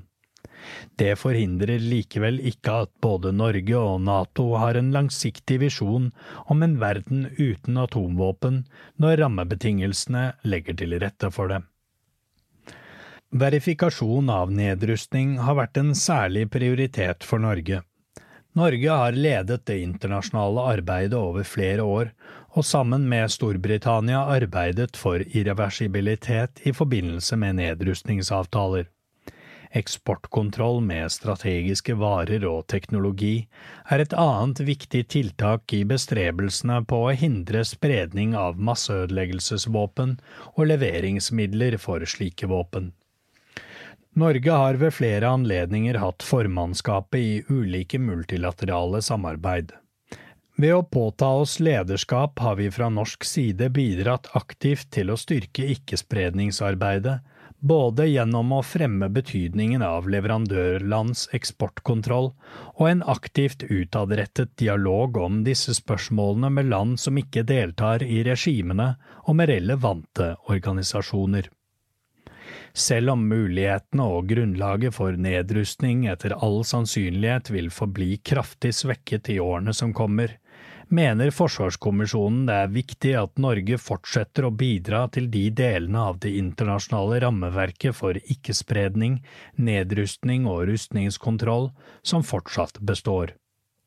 Norge bør også fortsette å spille en toneangivende rolle i disse spørsmålene i NATO, og søke samarbeid med likesinnede land.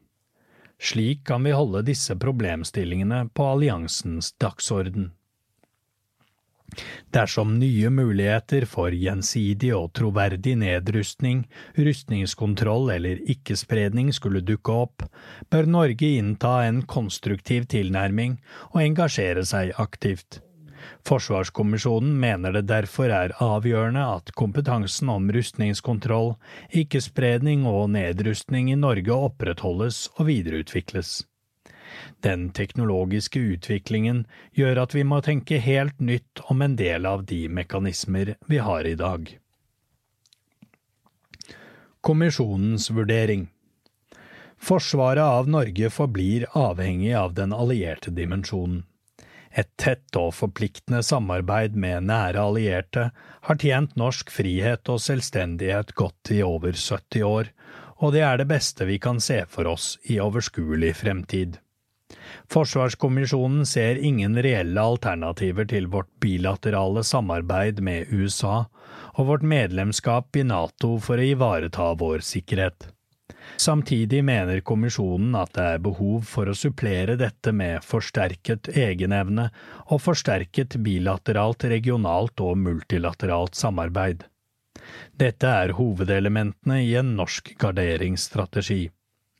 Det innebærer at Norge må investere mer i internasjonale avtaler og operativt samarbeid i et 10–20 års perspektiv for å ivareta norsk sikkerhet. Nato forblir hjørnesteinen i norsk sikkerhet. Norge bør styrke sin profil i Nato som en troverdig alliert. Norge må levere på våre forpliktelser og ta et større ansvar for egen og andres sikkerhet. Det gjelder ikke bare i nordområdene, men også som en del av det kollektive forsvaret i hele det euroatlantiske området. Norske myndigheter må være en pådriver for å videreutvikle Nato i tråd med norske interesser. Et konkret nasjonalt tiltak er å øke antall norske offiserer i høyere stillinger i Natos sentrale staber og kommandostruktur. Slik kan Forsvaret bidra til at eh, Nato opprettholder sin relevans og troverdighet. Det vil også bidra til å styrke båndene til nære allierte, samtidig som Norge øker våre muligheter til å øve innflytelse på at Nato utvikler seg i en retning som er i norsk interesse. Nato har blitt større. Slik har vi fått flere som kan forsvare oss, men også flere å forsvare. Norge har sterke relasjoner med nære allierte, men disse forbindelsene må videreutvikles. Et effektivt forsvar av Norge de kommende årene forutsetter videreutvikling av kollektivt og bilateralt samarbeid i en alliert ramme, herunder med Sverige og Finland. Det innebærer at Forsvaret må innrettes for bidrag til kollektivt forsvar, også utenfor norsk og nordisk territorium. I Østersjøregionen vil særlig luft- og landstyrker bli etterspurt i årene fremover. Norge bør styrke samarbeidet med våre viktigste allierte. I denne sammenheng er forholdet til USA i en særstilling. Det strategiske og operative samarbeidet med USA, både bilateralt og i rammen av NATO, vil fortsatt være avgjørende for forsvaret av Norge. USA er og forblir Norges viktigste sikkerhetsgarantist. Norsk innflytelse og handlefrihet avhenger av kapasitet til å overvåke og være til stede i egne og nærliggende havområder, men også evne til å samarbeide tett med de viktigste aktørene i dette området. En utvidelse av tilleggsavtalen med USA, STCA, bør vurderes. Norge bør videreutvikle kapasitet, selvstendighet og utholdenhet med Storbritannia og våre nordeuropeiske allierte, særlig i det maritime domenet. Det må skje på en måte som virker gjensidig forsterkende med samarbeidet i NATO, og som bidrar til å styrke Europas evne til å ivareta egen sikkerhet. Norge bør også etablere en sterkere profil i britisk- og tyskledede ordninger for forsvarssamarbeid innenfor rammen av NATO. Tyskland retter stadig mer oppmerksomhet mot nord. Norge må være en pådriver for å realisere potensialet som ligger i et historisk tett nordisk forsvarssamarbeid som følge av Sverige og Finlands inntreden i NATO. Forsvarskommisjonen mener Norge bør ta initiativ til å utvikle tiltak for en så tett integrering av Nordens militære kapasiteter som mulig. Dette bør skje innen rammen av det etablerte nordiske forsvarssamarbeidet Nordefco. Det bør legges til rette for felles planforutsetninger, operativ samordning i luften, på land og i cyberdomenet, spredning av militær infrastruktur og utnyttelse av potensielle stordriftsfordeler innen utdanning, kompetanseutvikling og utvikling av kapabiliteter med alle de nordiske land. Politisk vilje, initiativ og evne til nytenkning er nødvendig Forsvarskommisjonen mener det bør settes ned en nordisk ekspertgruppe som vurderer grep og tiltak innenfor totalforsvar som kan gi effekt på tvers av Norden, og hvilke ressurser dette vil kreve. Forsvarskommisjonen mener at det er behov for en bredere refleksjon rundt avskrekking og beroligelse i en ny tid. Dette er aktualisert av at dynamikken i nordområdene er i endring som følge av Russlands atferd, økt alliert aktivitet, svensk og finsk NATO-medlemskap og den teknologiske utviklingen. Forsvarskommisjonen anbefaler at prinsippene for og praktiseringen av norsk avskrekkings- og beroligelsespolitikk gjøres til gjenstand for en særskilt utredning. Norge bør videreutvikle vårt samarbeid med EU på det sikkerhets- og forsvarspolitiske området der det er i vår interesse. Norge må bidra aktivt til at samarbeidet mellom NATO og EU utvikler seg i en retning der de to organisasjonene utfyller og forsterker hverandre og styrker det transatlantiske samarbeidet. Det gjelder særlig politisk dialog om europeisk sikkerhet, håndtering av sammensatte trusler, samarbeid om forsyningssikkerhet og samarbeid innen forsvarsindustri, forsvarsmateriell og romvirksomhet for å styrke Norges mulighet for innsikt og påvirkning overfor EU, mener et flertall i kommisjonen at samarbeidet som ikke omfattes av EØS-avtalen, bør formaliseres i en egen rammeavtale om utenriks-, sikkerhets- og forsvarspolitikk mellom Norge og EU. Et mindretall i kommisjonen er uenige i at Norge bør inngå en slik rammeavtale med EU. Norge bør videreføre norsk engasjement innen ikke-spredning, nedrustning og rustningskontroll. Norge har grunnleggende interesse av gjensidig nedrustning med sikte på å redusere risikoen for krig, konflikt og menneskelig lidelse.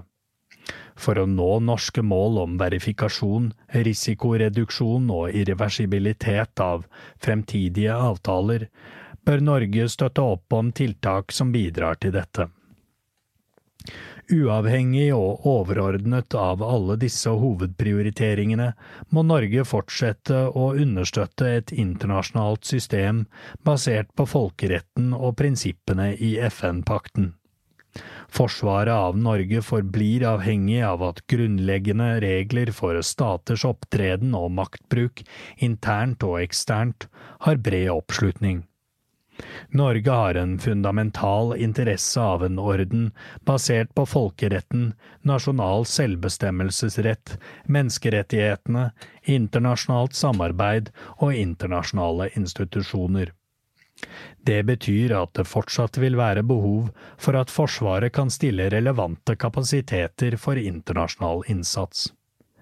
For Norge vil styrking av Forsvarets egenevne og det øvrige totalforsvaret bidra til økt innflytelse og handlingsrom. Den innflytelsen må Norge anvende i alliert og internasjonal sammenheng for å få bilateral og kollektiv støtte til forsvaret av Norge mest mulig i tråd med norske interesser og i rammen av det norske forsvarskonseptet. Kommisjonens oppdatering av Forsvarets oppgaver reflekterer dette. Alliansedimensjonen vil være en integrert del av Forsvarets evne til å forebygge og avskrekke, forsvare, overvåke og varsle, hevde suverenitet og bidra til internasjonal innsats for å kunne styrke vår forsvarsevne gjennom en norsk garderingsstrategi, mener Forsvarskommisjonen at ovennevnte hovedprioriteringer bør ligge til grunn. Dette er en podkastversjon av Forsvarskommisjonens rapport. Mindre avvik fra den endelige rapporten kan forekomme, og vi presenterer ikke grafikk, tabeller eller fotnoter. Hvis du vil ha den fulle opplevelsen, anbefaler vi deg å lese rapporten på regjeringens nettsider regjeringen.no. Da vil du også få med deg en rekke viktige grafer, figurer og illustrasjoner Forsvarskommisjonen har lagt mye arbeid i. Denne lydutgaven er ingen erstatning for den trykte rapporten, og det er kun den trykte rapporten som representerer Forsvarskommisjonens svar på regjeringens oppdrag. Denne podkasten er laget av Knut Storberget, Bård Nicolas Vik Steen, Kristine Hellesland, Fredrik Tamberg, Jørgen Lyngvær og Thomas Haraldsen.